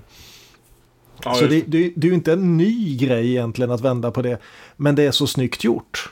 En människa som inte har fått av sig snön från axlarna och en som står i bara pyjamas och avlossar pistoler på varandra och missar medan en kastar sig ut genom fönstret och bryter benet. Ja, precis. Nej, ja. jag, jag, jag- tänkte på det här och undrar hur många dueller som gick till som du vet Chris Christopherson med Pat Garrett and Billy the Kid där han egentligen bara vänder och står och siktar ända från att de har räknat till två. Ja. Ända tills han väntar på att den andra killen vänder sig om på tio och då är han redan beredd och har siktat. Verkligen en sån här film. Det hör och förstår era invändningar men, men den, den synkar med mig på något alldeles fenomenalt sätt. Som sagt, alla de här sidoskådespelarna. Det här är en sån sak som att ehm, jag nästan alltid vid det lag, vi drar iväg en stund, typ 40 minuter in och har ett par scener bara med eh, Paul Schneider och, och Jeremy Renner. Eh, när de åker och hälsar på hans pappa och eh, Ja. sådana saker. Jag tänkte, men vad fan gör det här i den här filmen? Och sen kommer jag ihåg tillbaka att det spelar ju direkt tillbaka in i handlingen. Så faktum är det att jag tycker inte den här filmen är det finns inte onödiga scener. Jag hör vad Olof säger om att vissa scener kanske snarare är för långa. Att de liksom Ja. är, utspelar sig i ett tempo som är kanske inte för alla, även om de är för mig. Mm. Men, men, men det är inte en film som drar iväg på 20 liksom sidohistorier och drar in för många karaktärer. Eller sådana saker. Utan allt det här behövs för att det binder tillbaka in det. Om de där två sidokaraktärerna inte får liksom en fade sig emellan. Så behöver inte Jesse åka ut och börja, börja, börja göra slut på sina gamla kumpaner. Och så vidare. Eh, Så allting liksom leder någonstans tillbaka till och ger liksom ändå samtidigt en större bild av vad världen runt om dem är. Om vi ska gå på liksom slutakten här. Mm. Så tycker jag en av de saker som jag verkligen gillar med den här filmen det är just hur osäker filmen själv är på exakt varför Robert Ford bestämmer sig för att skjuta Jesse James. Ja. Den ger flera olika delvis motsägelsefulla motiveringar till det. Vi har den här liksom guvernörsfesten där han liksom ah, förväntar sig att liksom välkomnas med pukor och trumpeter för att han har lovat att sälja ut Jesse James och blir jättebesviken när han inte tas emot Dels när han inte tas emot som en hjälte och dels när de direkt genomskådar hur jävla uppenbart det är att han vill bli mottagen som en hjälte för en sån jävla skitsak. Ja. Det, det vill säga för honom är Jesse James Jesus, för dem är han bara liksom en bråkig, bråkstake som ska bort. För att den moderna världen ska komma på plats. Här kommer faktiskt en av mina, egentligen min enda, vad ska jag säga, konkreta klag, större klagomål på den här filmen som är att det finns två fall i små roller av stuntcasting som drar mig rätt ut ur filmen. Du tänker på Bill Clintons eh, kampanjstrateg Ja. där? Japp, japp. James Carville som är en sån här snubbe som, man, som jag såg på, som var Bill Clintons kampanjstrateg och som var sån här människa som Jon Stewart skämtade med gissningsvis var tredje dag under hela 2000-talet på The Daily Show för att han dök upp på alla Fox News-shower. Eh, spelar av någon anledning guvernören här. Och jag har sett, ah, dels tycker jag inte han är en bra skådis, men dels har jag också sett honom i liksom x antal konstiga klipp från, från liksom olika nyhetsinslag på, i, från USA. Så jag bara, men vad fan är den där snubben? Eh, Och jag kan säga redan nu, för vi kommer komma fram till den scenen snart, men den andra är när Nick Cave dyker upp och spelar The Ballad of Jesse James. Ja, men jag gillar liksom- det. It was Robert Ford, that dirty little coward. I wonder how does he feel? For he ate at Jesse's bread, and he slept in Jesse's bed, and he laid poor Jesse in his grave. jag sugs direkt ut ur, ur liksom filmens verklighet för jag bara Där är Nick Cave! Och sen spelar han också en väldigt Nick Caveig version av låten. Som inte låter som jag liksom föreställer mig att den skulle ha låtit 1880 någonting. Ja. Så, uh, så jag blir direkt så här, Det är de två gångerna som liksom Jag bara, "What? vad fan händer nu? Och så känner jag inte längre att jag faktiskt är så hypnotiserad av den här annars för mig väldigt hypnotiserande filmen. Men jag tycker det var intressant det som du var inne på Björn, att, att filmen tar väl inte riktigt ställning till exakt varför Robert Ford gör det han gör, men det finns ju bra förklaringar i filmen på ett eh, mycket mer uttänkt sätt än i Fuller-filmen. Ja, och, jag och grejen är det att den gör det för att sälja in att Robert Ford själv vet inte exakt varför han gör det. Det är mycket möjligt att det är så. Därför att han, han har på något vis hamnat i den här historien och nu vet han inte hur han ska ta sig ur den. Eh, Han vet inte om han skjuter Jesse James för att han är livrädd för honom eller för att han vill bli känd eller för att han ska tjäna pengar eller för att rädda sin bror. Eller ett sviket, kärl sviket kärleksintresse. Sviken kärlek eller sviken idolskap Mm. eller vad det är. Alla de här grejerna är sanna och ingen av dem är hela bilden. Vil- Vilket någonstans är en av de intressantaste kopplingarna mellan filmerna för mig. För den stora frågan som liksom går rätt genom hela Sam Fuller-filmen är Men varför sköt du Jesse James? Och där istället filmen i Dominic-filmen för mig blev Herregud, du måste skjuta Jesse James nu! Ju fortare desto bättre! Under en stor del av filmen. Liksom rädda dig själv och din bror och liksom det finns ingen orsak till att inte mörda honom vid någon punkt annat än såklart han älskar honom någonstans. Dominic-filmen presenterar ju dessutom som att Charlie Ford om något, alltså brorsan eh, som spelas av Sam Rockwell, om något är mer peppad eller mer, mer stressad över tanken på att de behöver döda Jesse till den graden att han liksom siktar på honom men inte vågar. Och det blir upp till, till Bob att, att, att, att faktiskt göra det. Ja, och, och jag älskar just apropå att man måste ändå prisa Casey Affleck. Just hur olika Affleck och Rockwell spelar den här scenen. Ja. Dels den, den svage som har bestämt sig och dels den tuffe som är livrädd. Mm. Och inte riktigt klarar av det. Och det, är, det gör ont för dem att göra det de gör. Mm. Det är så, sen, sen kan man tycka vad man vill. om- Det, det är en väldigt snyggt uppsatt scen just det här. Men som sagt, det, det känns lite väl teatralt det här att Jesse James mer eller mindre. Titta, nu lägger jag ifrån mig pistolerna här. Nu tar jag en sista titt på min dotter som leker ute i trädgården.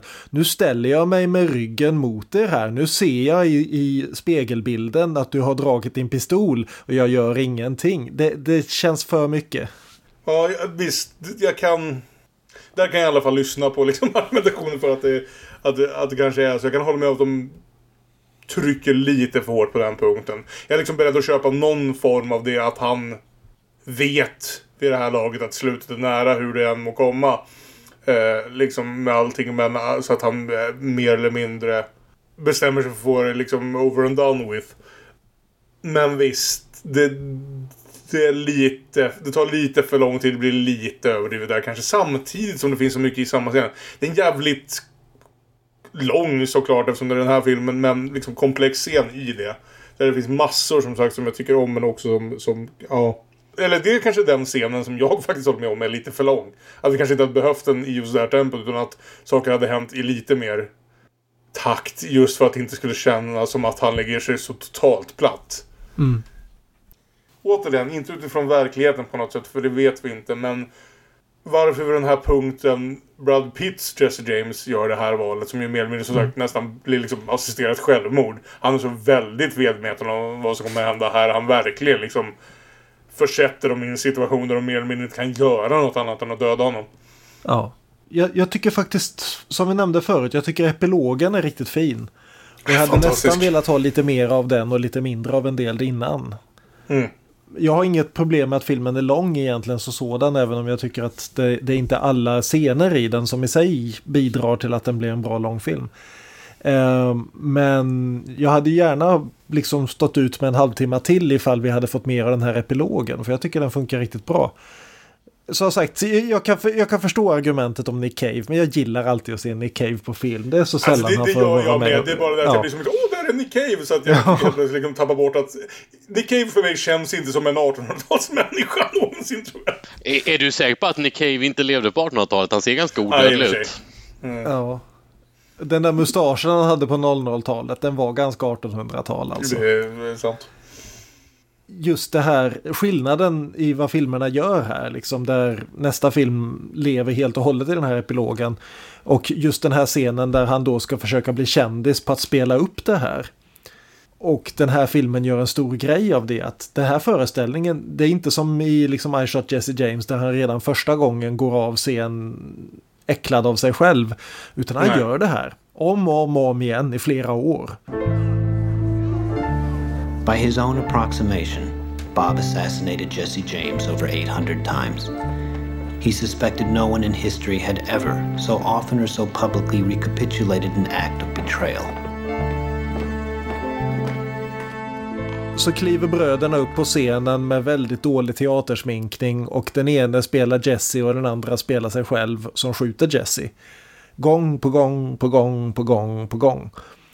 Och, så, och en av de här få bra, eller inte få ska jag säga, men en av de bästa användandet av voiceovern här när den förklarar Charlie i och med att han ångrar sig djupt och till slut skjuter sig av skuld är just den sortens mördare som folk ville se av Jesse James. Ja, precis. De vill inte se Robert Ford som försöker leva på det här och som förväntar sig applåder. Även om de liksom n- gärna går och ser de här föreställningarna. De kommer ju ändå dit och betalar för det i stora, stora skaror. Varför gör folk det då? Ja, precis. För det gjorde väl folk också i verkligheten? Ja, naturligtvis. Ja, och det, så vitt jag förstår så den biten är väl... Den är väl ganska väl belagd att han turnerade runt med detta. Ja, den är sann och hu- huvudsa- huvudskälet till att han slutade med det, det var inte att eh, samvetet hann ikapp honom, utan det var helt enkelt att publiksiffrorna vek. Mm. Och det kan man ju tänka sig efter, han gav ändå rätt många föreställningar. Ganska kort föreställning också. Det verkar inte vara resten av filmen utan mest, det verkar mest vara den där scenen. Och så, så, så som teatern framställs i filmen i alla fall så får man ju mer känsla av att eh, han sköt Jesse James för att han har någon slags aversion mot eh, rena målningar. You're not gonna dust my frame, you bastard.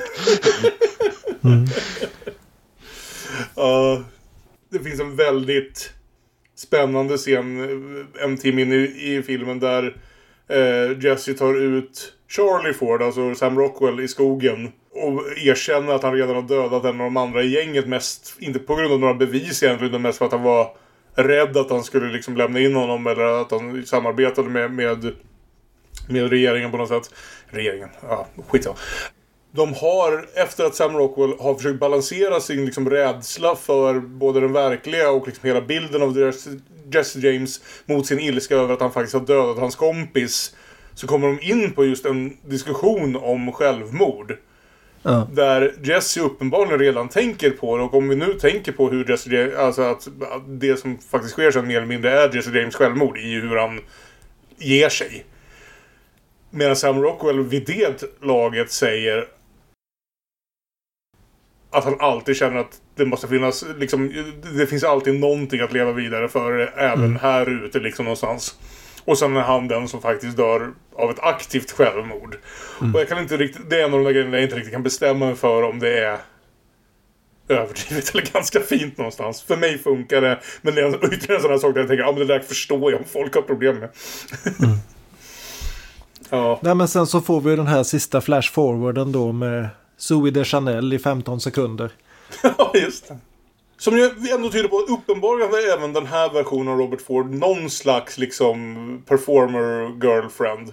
Vilket tyder på att någonting sånt, om det finns i båda versionerna, känns som att någon variant av det kanske faktiskt är verkligheten. Även om namnen inte verkar överensstämma i någon av filmerna med någon Ja, verklighet men, eller så. som jag förstår det så var det väl liksom att han tillbringar sina sista år som salonägare och därmed pimp. I Ja, eh, en sån här okej. guldgrävarstad någonstans i Colorado. Det är liksom, du är inte salonägare i en guldgrävarstad och inte är involverad i prostitution på något sätt. Och just det här att då dyker liksom den här människan som är hjälten i då I Shot Jesse, I Shot Jesse James dyker upp i typ 10 sekunder och är absolut inte hjälten utan är bara ett fyllo som bestämmer sig för att sno de sista fem sekunderna av kändisskap som finns i den här gamla sången Ja. genom att vara den som skjuter Robert Ford. Edward O'Kelly would be ordered to serve a life sentence in the Colorado Penitentiary for second degree murder. Over 7,000 signatures would eventually be gathered on a petition asking for Kelly's release, and in 1902, Governor James B. Orman would pardon the man. There would be no eulogies for Bob. No photographs of his body would be sold in sundry stores.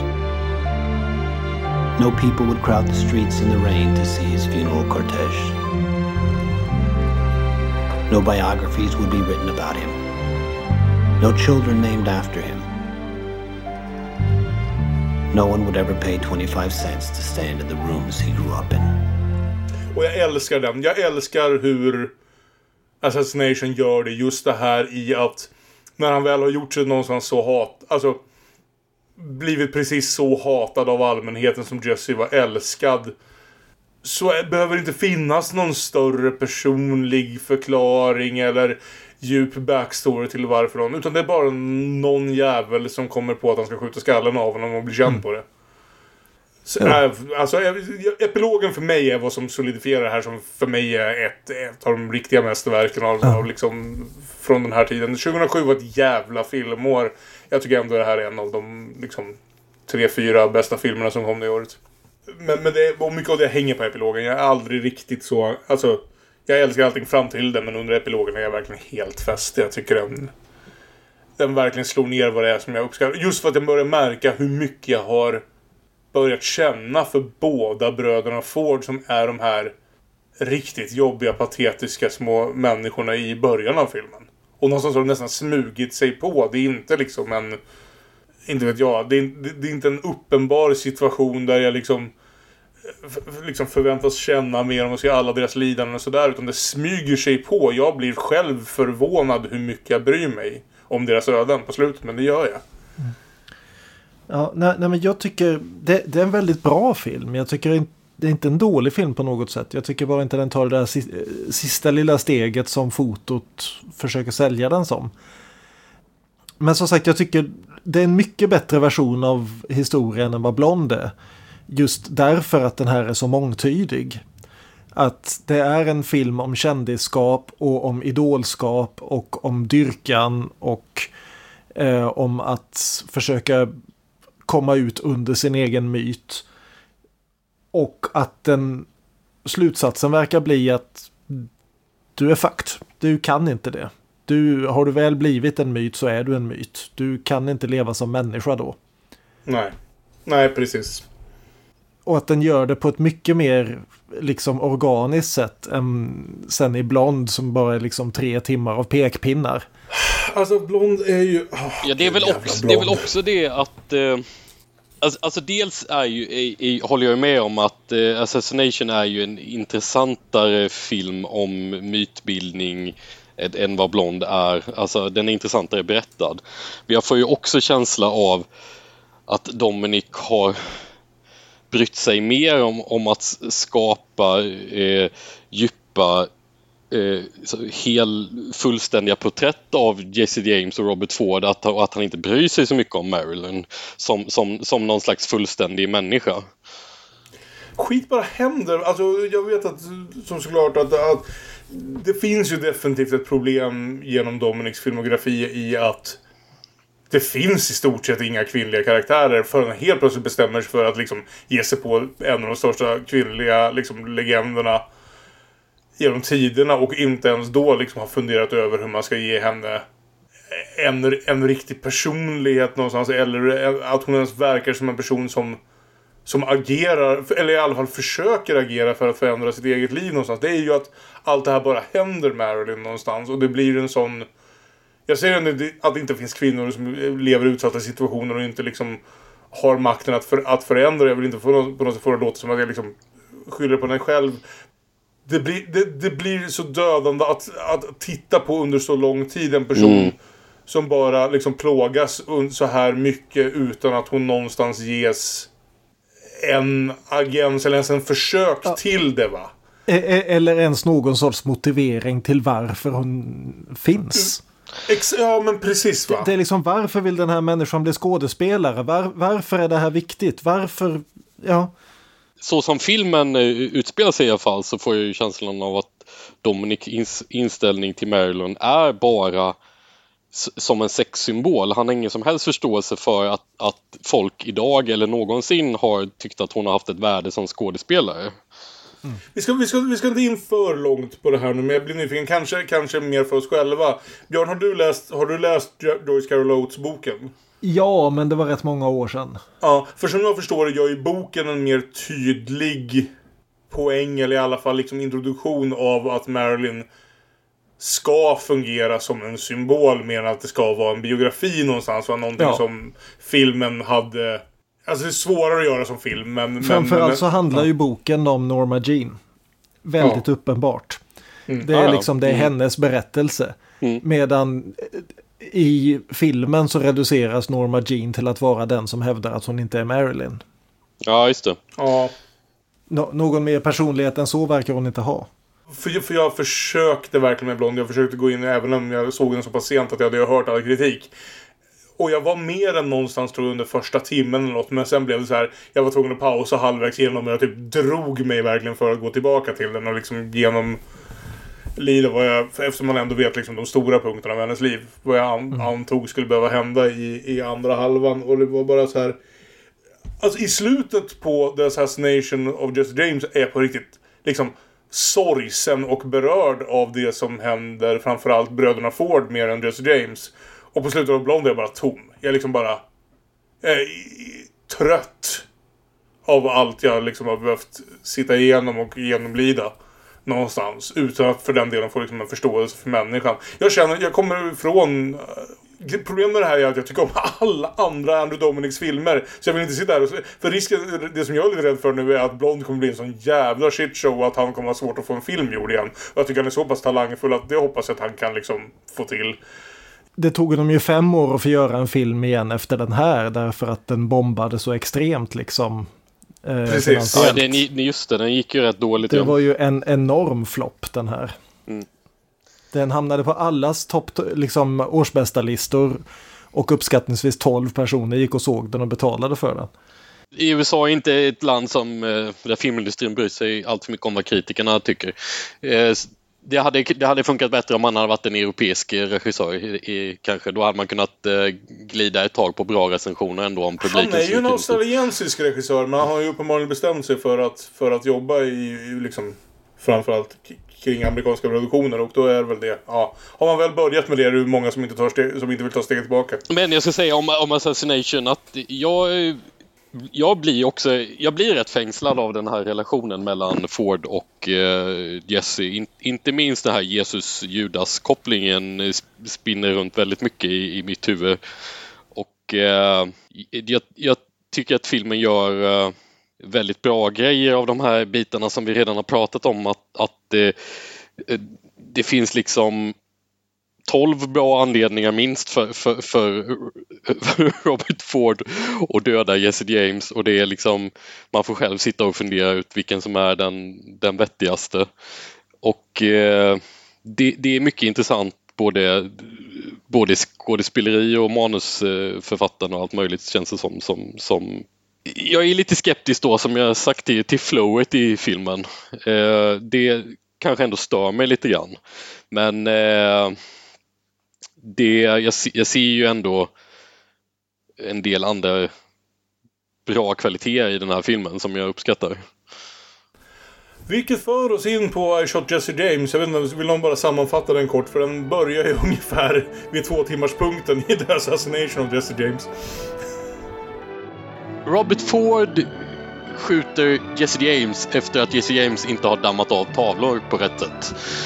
Det ligger lite mer i bakgrunden också, men eh, det är ungefär så plötsligt vi kommer in. Vi får också en förklaring om eh, att det ligger ett tänkt eh, äktenskap i grunden eh, där JC James har ihop det med en, eh, en turnerande skådespelerska som är eh, fascinerad av hans eh, outlaw-liv men vill inte riktigt vara gift med en outlaw. Eh, och eh, sen blir det ju tyvärr då vissa kärlekskonflikter när hon eh, slits mellan eh, Robert Ford och eh, den, den man som senare kommer att mörda Robert Ford. Där vi måste liksom diskutera lite grann utifrån vad ska vi säga, existerande dokument hit och dit. Exakt hur mycket av Assassination of Jesse James som är sant. Så är det väl mer otvetydigt att typ 90% av den här filmen är påhittat. För att Ja. varken... Ja. Det är liksom eh, några av namnen stämmer och dödsdatumen stämmer och Precis. vem Jesse som James- skjuter vem stämmer. Jesse James dog när han dog, Robert Ford dog när han dog och de dog på rätt platser och de sköts av personer med rätt namn. Ja, och, och, Jag är inte riktigt rätt namn, fel förnamn. Ja, i- precis, nästan, nästan rätt namn. som sagt, den här filmen har ju en helt annan eh, karaktär som, som skjuter Robert Ford. Det är ju en jättestor skillnad faktiskt mellan, mellan filmerna. Att, eh, både vilken plats den karaktären tar och vilken funktion den karaktären har i historien. Jo. Precis, I, i verkligheten så var han absolut inte eh, sheriff. Och han dog faktiskt själv lite senare när han blev ihjälskjuten av en polis som försvarade sig när han försökte skjuta polisen. Mm. Så det, det, han var inte direkt någon sån här Hollywood leading man-hjälte som han framställs i den här filmen. Men för att haka på den här diskussionen som vi då hade eh, just runt Robert Fords motivering så är det ju intressant att här så ger de ju honom en motivering som är solklar men som filmen sen ändå vrider och vänder lite grann på. Ja. Därför att Ja. här är ju verkligen motiveringen att de pratar om det i, i första akten att vi borde lägga av med det här. Vi borde liksom, vi, vi kan inte hålla på så här. Efter att liksom Jesse James fru, som för övrigt också var hans kusin. Vi har inga fördomar om sydstatare här. Det, det var bara så det var. Jo, ja, ja, jo. Eh, men eh, har liksom talat om, ni är ju bönder allesammans, herregud. Liksom odla lite potatis, varför ska ni riskera livet hela och tiden? bunda er lite. Nej, och, Ja, exakt. Och, och, och sen så är, är det väl... Bonda lite grann, vi- vilket ju är vad de gör också. För den här filmen är ju faktiskt, lyckas ju faktiskt med konststycket att vara från 1949 och vara mer homoerotisk än vad filmen från 2007 är. jo, det, det, jo, det ligger väl kanske, det ligger kanske något i det. Men, men, Ja. eh, och, men Eh, så, så, så han, Robert Ford vill ju slå sig ner med sin salonsångerska flickvän. Så, som jag har blivit kär i, som jag har blivit kär i honom verkar det som för att han är en outlaw som jag sa, men hon, men hon vill ju ändå Ja. ha lite mer stabilitet om hon nu ska slå sig ner med någon. Ja.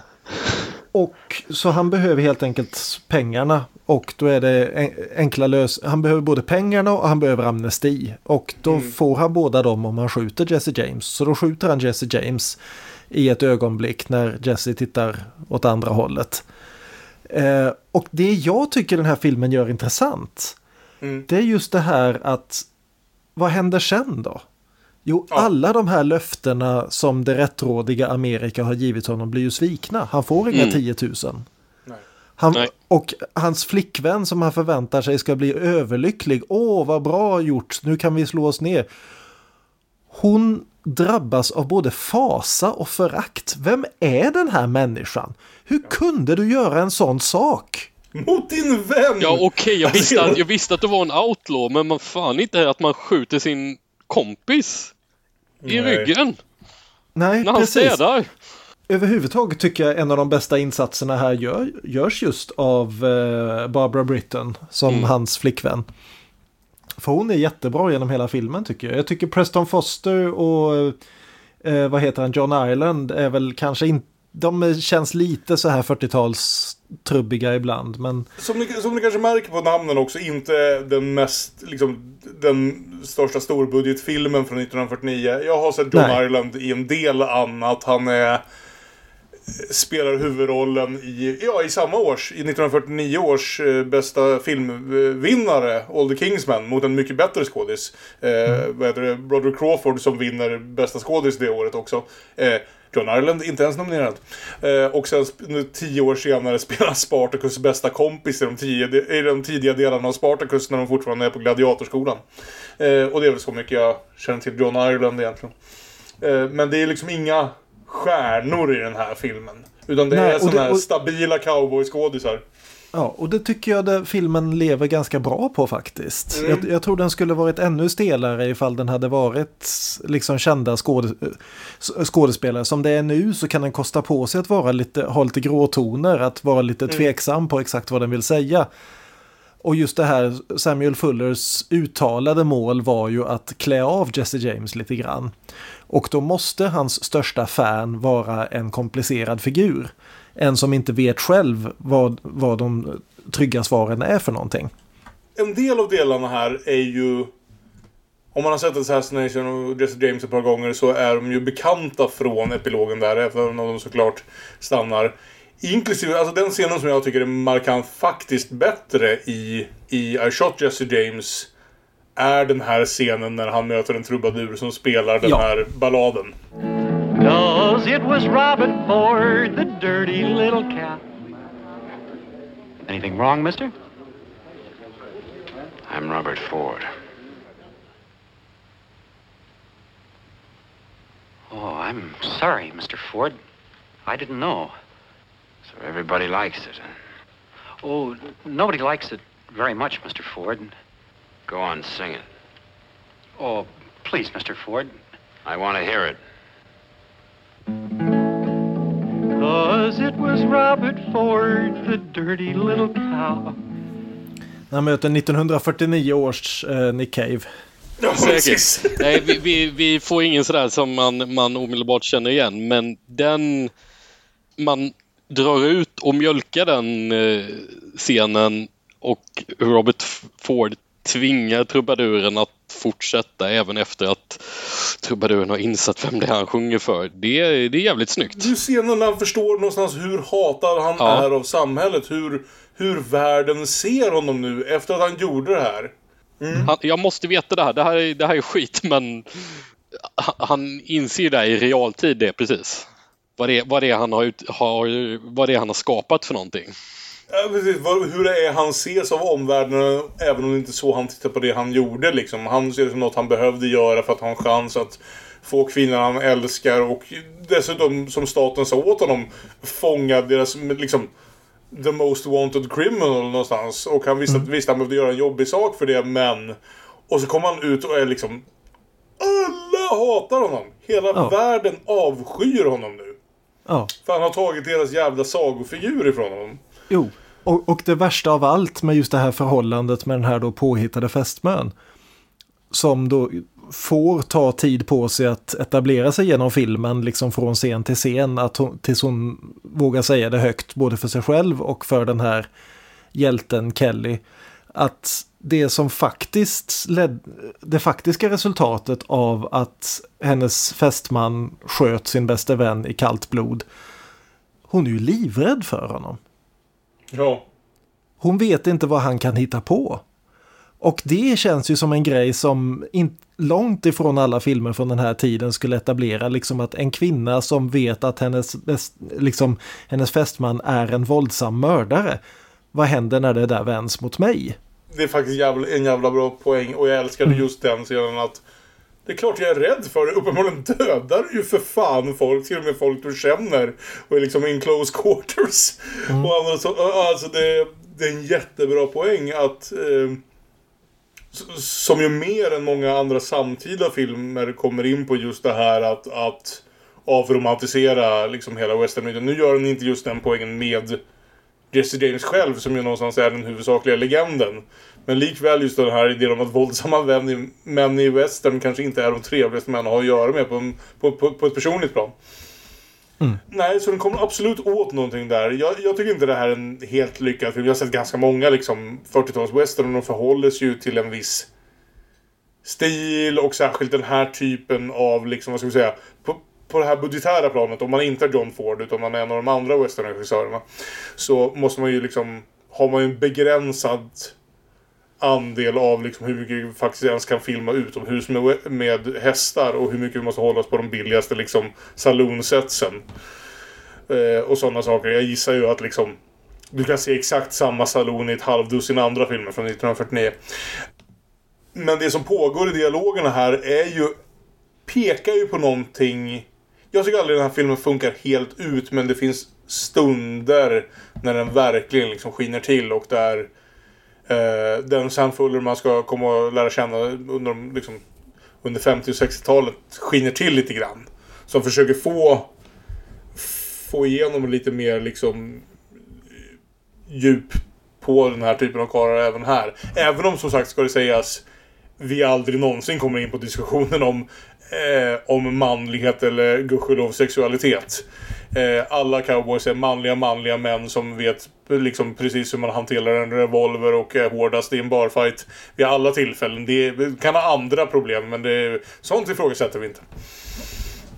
Det, det finns ju en del ganska klumpiga grejer det här. Till exempel den här scenen då han då fått jobb som guldgrävare och plötsligt drar pistolen mot den här gamla oldtimern som han jobbar ihop med. Och så cut till honom som skriver ett brev till sin käresta då att jag har skjutit en puma som smög sig på min kompis. Eller är det den roligaste scenen? Alltså det är skit, och det är så jävla, alltså det är så dåligt men det är så dåligt till den punkten att jag skrattade rätt ut. Det är väldigt konstigt hur som helst. Eh, Men jag gillar verkligen slutet här. Jag med. Eh, de sitter där. Eh, Frank James har ju dykt upp här för att hämnas. Vilket han aldrig gjorde i verkligheten. Som i The Return of Frank James. Vill ni se mer om det? Se Ja. den helt jävla påhittade The Return of Frank James med Henry Fonda. I, i, I verkligheten var ju Frank James inte dummare än att han svalde sin stolthet, han lät sin bror förbli ohämnad och han levde tills han dog av hög ålder. Men här så dyker han alltså upp och ska hämnas. Och hans hämnd är att då tala om att din tjej är kär i den här rättskaffens typen med mustasch. Just den här scenen där de då ska ha den här stora face-offen ute på gatan och den rättskaffens typen med mustasch helt enkelt bara vänder ryggen till. Därför att han vet hur traumatiserad Bob är av det här. Och att han kommer inte att skjuta honom i ryggen för han kan inte göra det en gång till. Just därför att han är någonstans in, innerst inne inte en ond människa utan en god människa som har gjort väldigt dåliga val i livet. Eller god och god, men han, han är för traumatiserad av det här för att kunna göra det igen. Och det slutar med att de skjuter på varandra, det blir lite handshot first och så ligger Bob Ford döende på gatan, hans tjej rusar fram mot honom och han ska bara säga en sista sak till henne. I loved him. Jag älskade Jesse. Ja, det. Och det tycker jag är snyggt. Jag med. För där förväntar man sig att han ska säga att han älskar henne. Mm. Och det enda han kan tänka, jag gjorde ett sånt jävla misstag. Jag sköt mannen jag älskade. Ja. Och jag ångrar mig så. Det är ett mycket mer intressant slut än det hade kunnat eh, vara. Absolut. Nej, det är, alltså, det är en film som jag tycker lider lite av liksom tydligt lider av både budgetära problem och tiden när den är gjord. Men som någonstans lyckas sticka in sådana här riktigt intressanta små punkter här och där. Så att jag liksom halvsömnigt tittar mig igenom tre scener och sen kommer en scen där någonting riktigt fascinerande händer någonstans va. Eh, och den är ju otroligt liksom påhittad jämfört men det är så också intressant just det här att allt det här vi pratar om liksom revisionister, västern och försöka se western för vad den var nu för tiden. Att det ändå börjar med sådana här små steg här någonstans liksom. eh, av att det är ändå en film som i någon mån har som huvudroll och relativt sympatisk person en, en karaktär som Robert Ford som till den punkten i historien hade liksom blivit utpekad enbart som liksom en usling och en skurk och en fegis. Och bara det tycker jag gör den värd att se. Jag tycker, det, det är mycket liksom i hur den är producerad rätt upp och ner och hur många av scenerna spelar ut sig som gör att jag tycker den är lite standard här och där. Men det är lite standard med lite guld i kanterna någonstans. Vi gick ganska snabbt igenom den men, men, men jag vet inte, är det någon mer punkt? Olof, jag vet inte hur mycket du fick, fick säga om den. Om det är någon mer punkt som du kände att du ville stanna på. Jag, jag funderar lite på den här alltså porträtteringen av just Jesse James av den här skådespelaren som jag inte alls känner till. Nej men det, det är väl porträtteringen av Jesse James som det brister ju en del i den här filmen även om som vi pratade om tidigare. Det, jag, jag kan delvis köpa det om, om man tänker på hur, hur väl etablerat det var 1949. Mm. Men när man ser den nu så, så blir det jättekonstigt egentligen när den här, den här karaktären kommer in och gör ett ganska men en ganska intetsägande porträttering av, av Jesse James och sen blir han bara skjuten. Han skjuter folk i en bank, sen verkar han ashyvens. Ja. Ända sen blir skjuten igen. Alltså det finns liksom ingen dynamik, det finns ingen försök att förklara alls vem han är eller annars bara Kolla den här hyvens snubben. Och nu ska den här killen skjuta honom i ryggen. Eh, och, han, och han är liksom inte ens inte så här karismatiskt så här, eh, utan, utan bara ganska tråkig familjefar, liksom Salt of the Earth, eh, amerikansk allmän man någonstans. Det är liksom, det är där man hade velat kanske ha kändiscastingen och låta honom bli skjuten 20 minuter in. För att verkligen på något sätt peka på detta. Åh, du sköt ihjäl en legend. Du Mm. sköt ju ihjäl en snubbe som verkar lite småtrevlig. Ja men liksom, jaha vad är det här? Karl-Oskar åkte in till stan och rånade en bank och sen åkte han hem till Kristina igen och planterade äppelträd och eller, eller, eh, nej men det, det, vi får ju verkligen varken veta vem Jesse är eller vad, och vad som är kanske ännu viktigare, vi får inte veta vad han har för relation till Robert Ford egentligen. Det, det försöker väl filmen lite grann konstruera i efterhand då och vi får veta eh, ändå i slutscenen att ja, jag älskar Yes James och det, det, det är ju inte utan betydelse att filmen slutar på det sättet men, men filmen kastar ju ut oss på lite djupare vatten än vad den klarar av kanske genom att den börjar på det sättet. Ja, precis. Eh, Jag ska passa på att bara be om ursäkt till John Irelands efterlevande familj. Nominerad för bästa biroll för All the Kings, men inte alls icke-nominerad som jag hävdade för tio minuter sedan. Men dock, Eh, dock han spelar huvudrollen, men det är ju en sån här nyhet som vad heter den? Ensemblefilm. Idi Amin-filmen med Ja. Forrest Whitaker där liksom huvudrollen är snubben som är vit och står vid sidan och tittar på när en mycket mer karismatisk skådis gör någonting i centrum i en mindre roll. Eh, Men John Ireland blev inte nominerad för I shot Jesse James kanske vi kan konstatera. Nej, men eh, det vågar jag lova. Ingen blev nominerad för något för I Shot Jesse James. Eh, det gjordes ju liksom, liksom 13 eh, sådana här westerns på dussinet eh, 1949. Ja, nej men nu, nu tycker jag ändå... Jag, jag, jag tycker liksom... Nej, jag menar inte just av den här kvaliteten. Jag menar, det gjordes, det gjordes väldigt mycket lågbudget westerns 1949, vad jag menar. Ja, Men jag tycker ärligt talat att I Shot Jesse James har tillräckligt mycket eget för att den ska stå ut från dussin. eh, Liksom. Det håller jag med. Den, Ja. den har tillräckligt mycket av en egen idé. Den har tillräckligt mycket av en egen, ett, ett kritiskt öga till myten. Ja, jag Eh, håller med. den som den påminner mig om det är ju filmer som The Oxbow Incident. Oxbow Incident är betydligt bättre tycker jag, men jo, Det, jag håller det med är en det bättre en- film, men den här, jag tycker den här är liksom en kusin till den. I att den vill inte bara berätta samma gamla historia om västern. Den vill inte bara liksom ställa Nej. upp Gary Cooper mot eh, vem nu skurken kan ha varit. Eh, utan den, den vill verkligen liksom säga någonting om problematiken i hela myten. Den vill Absolut. verkligen sätta sina karaktärer på pottan. Absolut. Nej, jag håller med. Sen att den inte alltid lyckas, det är en Jag annan menar sak. mer att det gjordes eh, 13, 13 dus, alltså bu- lågbudgetvästern på dussinet. Och de hade aldrig Oscarchanser under, under 40-talet.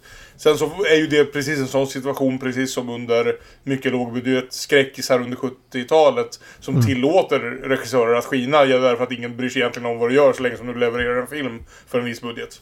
Så då får man liksom, kan man sticka fram huvudet här och där och liksom smyga igenom en, någonting faktiskt. Mm. Eh, vilket jag väl tycker är vad, vad Sam Fuller ändå gör här någonstans i en fullkomligt duglig westernfilm. Jag vill inte låta för hård här alltså, för jag tycker ändå att det här är en absolut kompetent film med riktigt bra ögonblick. Ja, typ något sånt ja. Typ något sånt ja. Mm.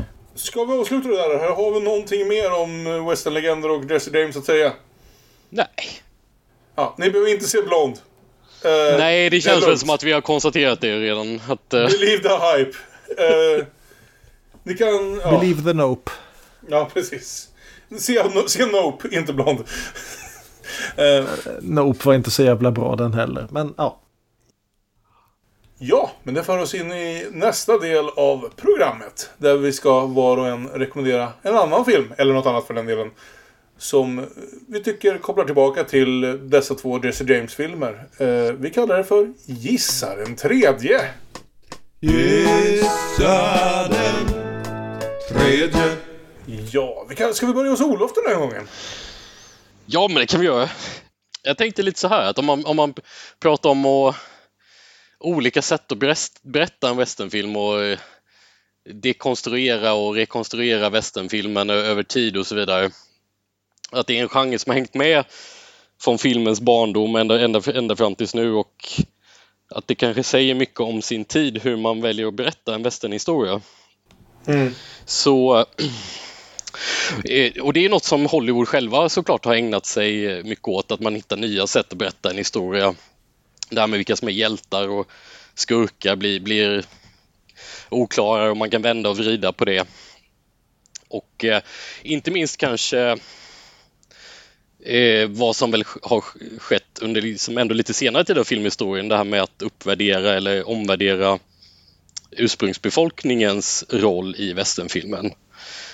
som väl i och för sig har tagit ganska lång tid för Hollywood att komma någon vidare vart. Även när native americans framställs i positivt ljus är det ofta ganska exotifierande och eh, att berättelserna kan, även i positiva skildringar, kan berättas i ett ovanifrån perspektiv eller främlingsskapande perspektiv.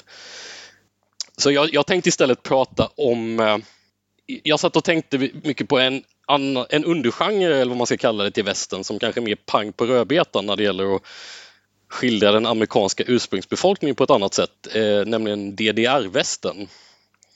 Var det jag ville komma fram till. En fin uppbyggnad i tyckte jag. Eh, eller ostern, eller kanske ännu mer specifikt indianerfilmer tror jag de, de ofta brukar kallas för. En ostern kan väl i och för sig också vara en, vara en film som mer utspelar sig på steppen i, i, i Asien. Det finns ju ett antal sovjetiska westerns också. Ja, det är sant. Eh, nej men men, men eh, jag, jag tänkte nog mest på DDR-västern. Jag såg, jag såg ett gäng DDR-västern under pandemin. Nämligen det. När jag fick något konstigt infall där. Och, eh, de är oftast inte inspelade i DDR just men ändå i, i östblocket. Jag, eh, I Rumänien eller Jugoslavien eller typ Uzbekistan. Jag eh, tänkte särskilt på en film som heter Apachen från 1973. Cool! Eh, vilket väl betyder apacher i plural då, annars får Björn rätta mig. Det är en film som utspelar sig i eh, norra Mexiko, fast nuvarande typ New Mexico kanske i USA. Eh, utspelar sig 1837, centrerad kring en eh, faktisk händelse. Den kanske delvis förhåller sig eh, relativt trogen till vad man vet om den, vad jag har förstått. Filmen handlar om de vita ondsinta kolonisatörerna som inte alls har i Amerika att göra från första början. Har alltså pressat apacherna till bristningsgränsen. Och apacherna är ett väldigt fredligt folk eh, i den här filmen som lever i samklang med naturen och hjälper varandra i en gemenskap som kanske nästan kan kalla för kommunistisk. Ja. Och eh, de är, de är väldigt fredliga men inte rädda att ta till vapen om det verkligen krävs för att freda sig mot de vita inkräktarna.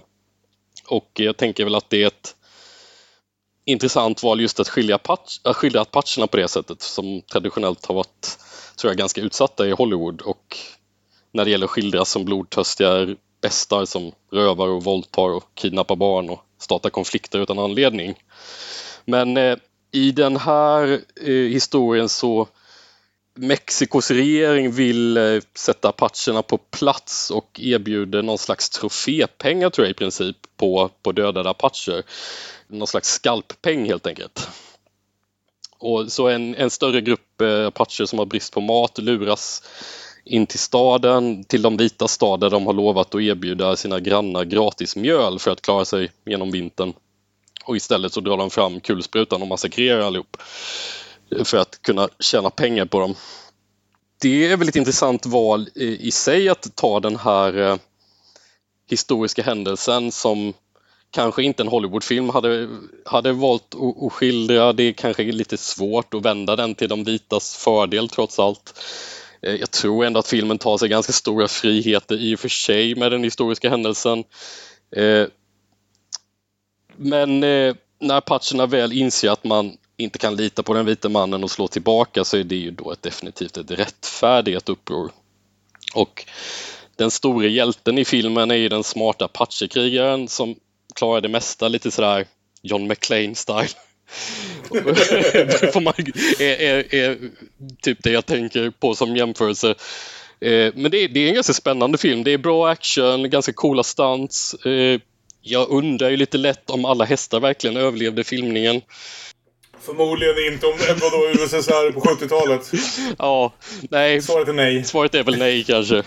Och eh, det är inte en särskilt subtil film. Det är inte heller någon av de andra indianerfilmerna jag har sett. Eh, men den här står ändå ut en del i minnet när jag, när jag funderade inför inspelningen. Den är ju inte, inte obetydlig del upptagen med att visa på västs förljugenhet och hyckleri eh, snarare än att vi ska lära känna några karaktärer. Det, det är ganska mycket propagandavibbar såklart i filmen. Men skulle man också kunna tänka kanske inte nödvändigtvis så väldigt mycket mer propagandavibbar än, än en del av John Waynes westernfilmer till exempel som har bara det omvända maktperspektivet. Ja, det absolut. Så Apachen. Coolt!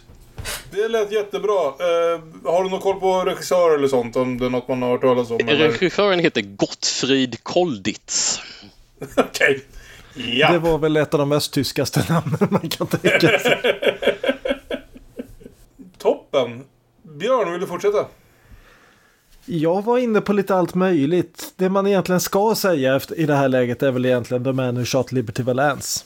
Gud, jag älskar den jävla filmen som du vill säga. Jag tänker inte ta den faktiskt. Men ja, det nej, är ju... men det, det, är så förutsägbart. Så nu har jag sagt den så behöver jag inte säga den. Jag, jag, I, second that choice, men jag tar den inte heller. Men, men se The Man Who Shot Liberty Valance om ni som sagt vill se hur John Wayne, Wayne spelar in i allt det här legend-retrofittandet. Ja. Men eh, eftersom det borde vara halloween-tiden när det här avsnittet går live. Så tänkte jag, vad finns det för skräckfilmer som har försökt göra ungefär samma poänger här? Och det jag kommer fram till är ju egentligen hela jämra Scream-franchiset. Men jag tänker då säga specifikt Scream 2. Åh, oh, gode gud, tack! Ja, jag älskar Scream 2. Eh, dels därför att det är den sista riktigt lyckade Scream-filmen. Det har gjorts yep. tre filmer till i serien som Alla tre har sina poänger men sällan lyckas få ihop en hållbar film av det. Scream 2 är nästan lika bra som Scream 1. Men just det här att den handlar om lite grann samma fråga här, nämligen hur tar du, hur dealar du med att vara en legend och hur dealar du med att ha dödat den människa du älskar? Och att detta på något vis får en tyngd i den här liksom humoristiska tonårsslashen.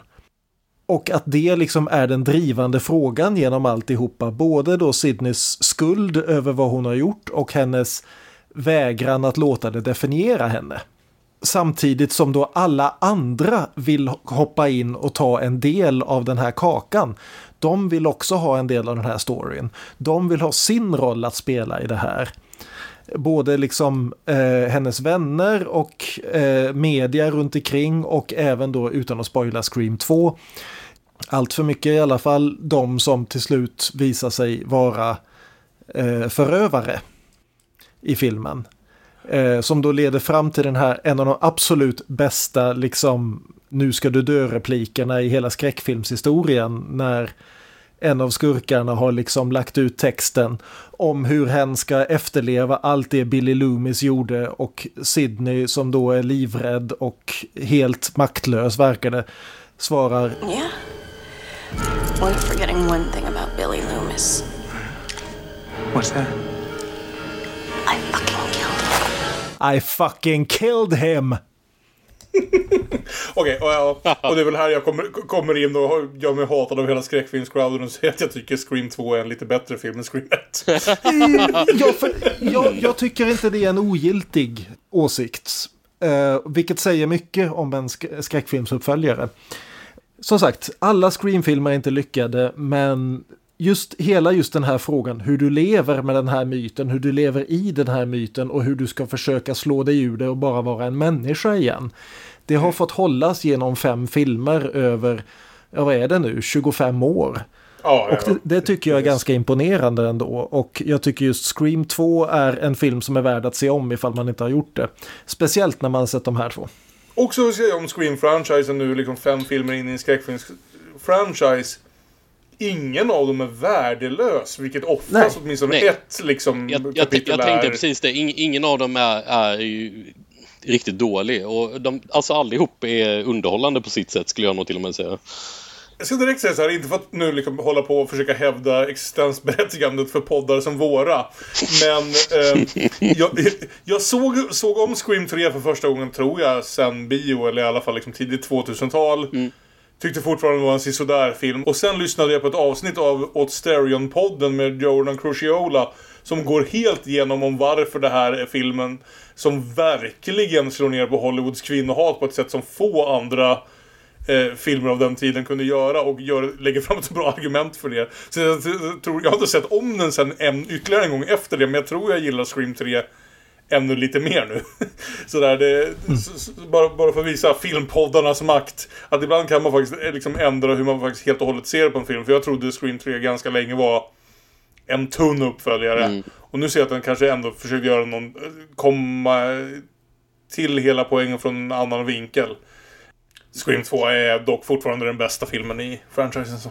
Ja, kul val av Björn. Jag för min del hade inte så mycket tid att tänka på det här. Så jag tänker på det här. Vi har ju spenderat en massa tid i det här avsnittet med att diskutera hur Andrew Dominic porträtterar legender i, eh, i Assassination of Jesse James och i Blond. Men det är ju inte första gången han försöker göra en vad heter det, skildring av en verklig brottsling. Hans debutlångfilm är ju faktiskt Chopper från 2000 med Erik Bana i huvudrollen som är en av de mest unika biopics kring en brottsling som jag kan komma på att jag har sett.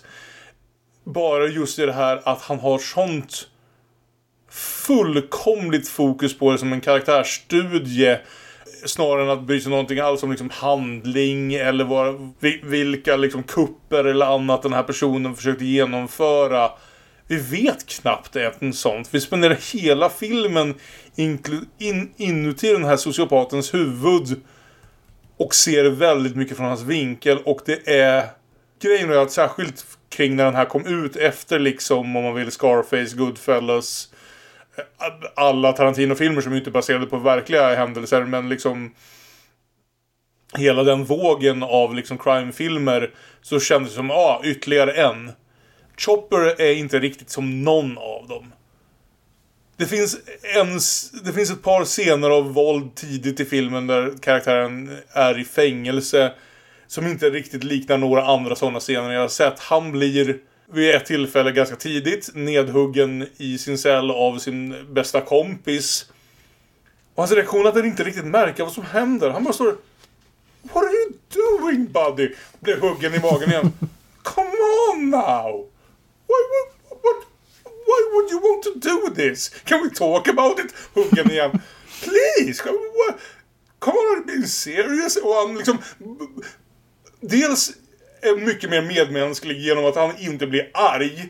Men också övermänsklig och lite sociopatisk i att han inte ens erkänner smärtan han ju uppenbarligen måste känna. För han precis blev huggen i magen tre gånger med en tandborste eller någonting.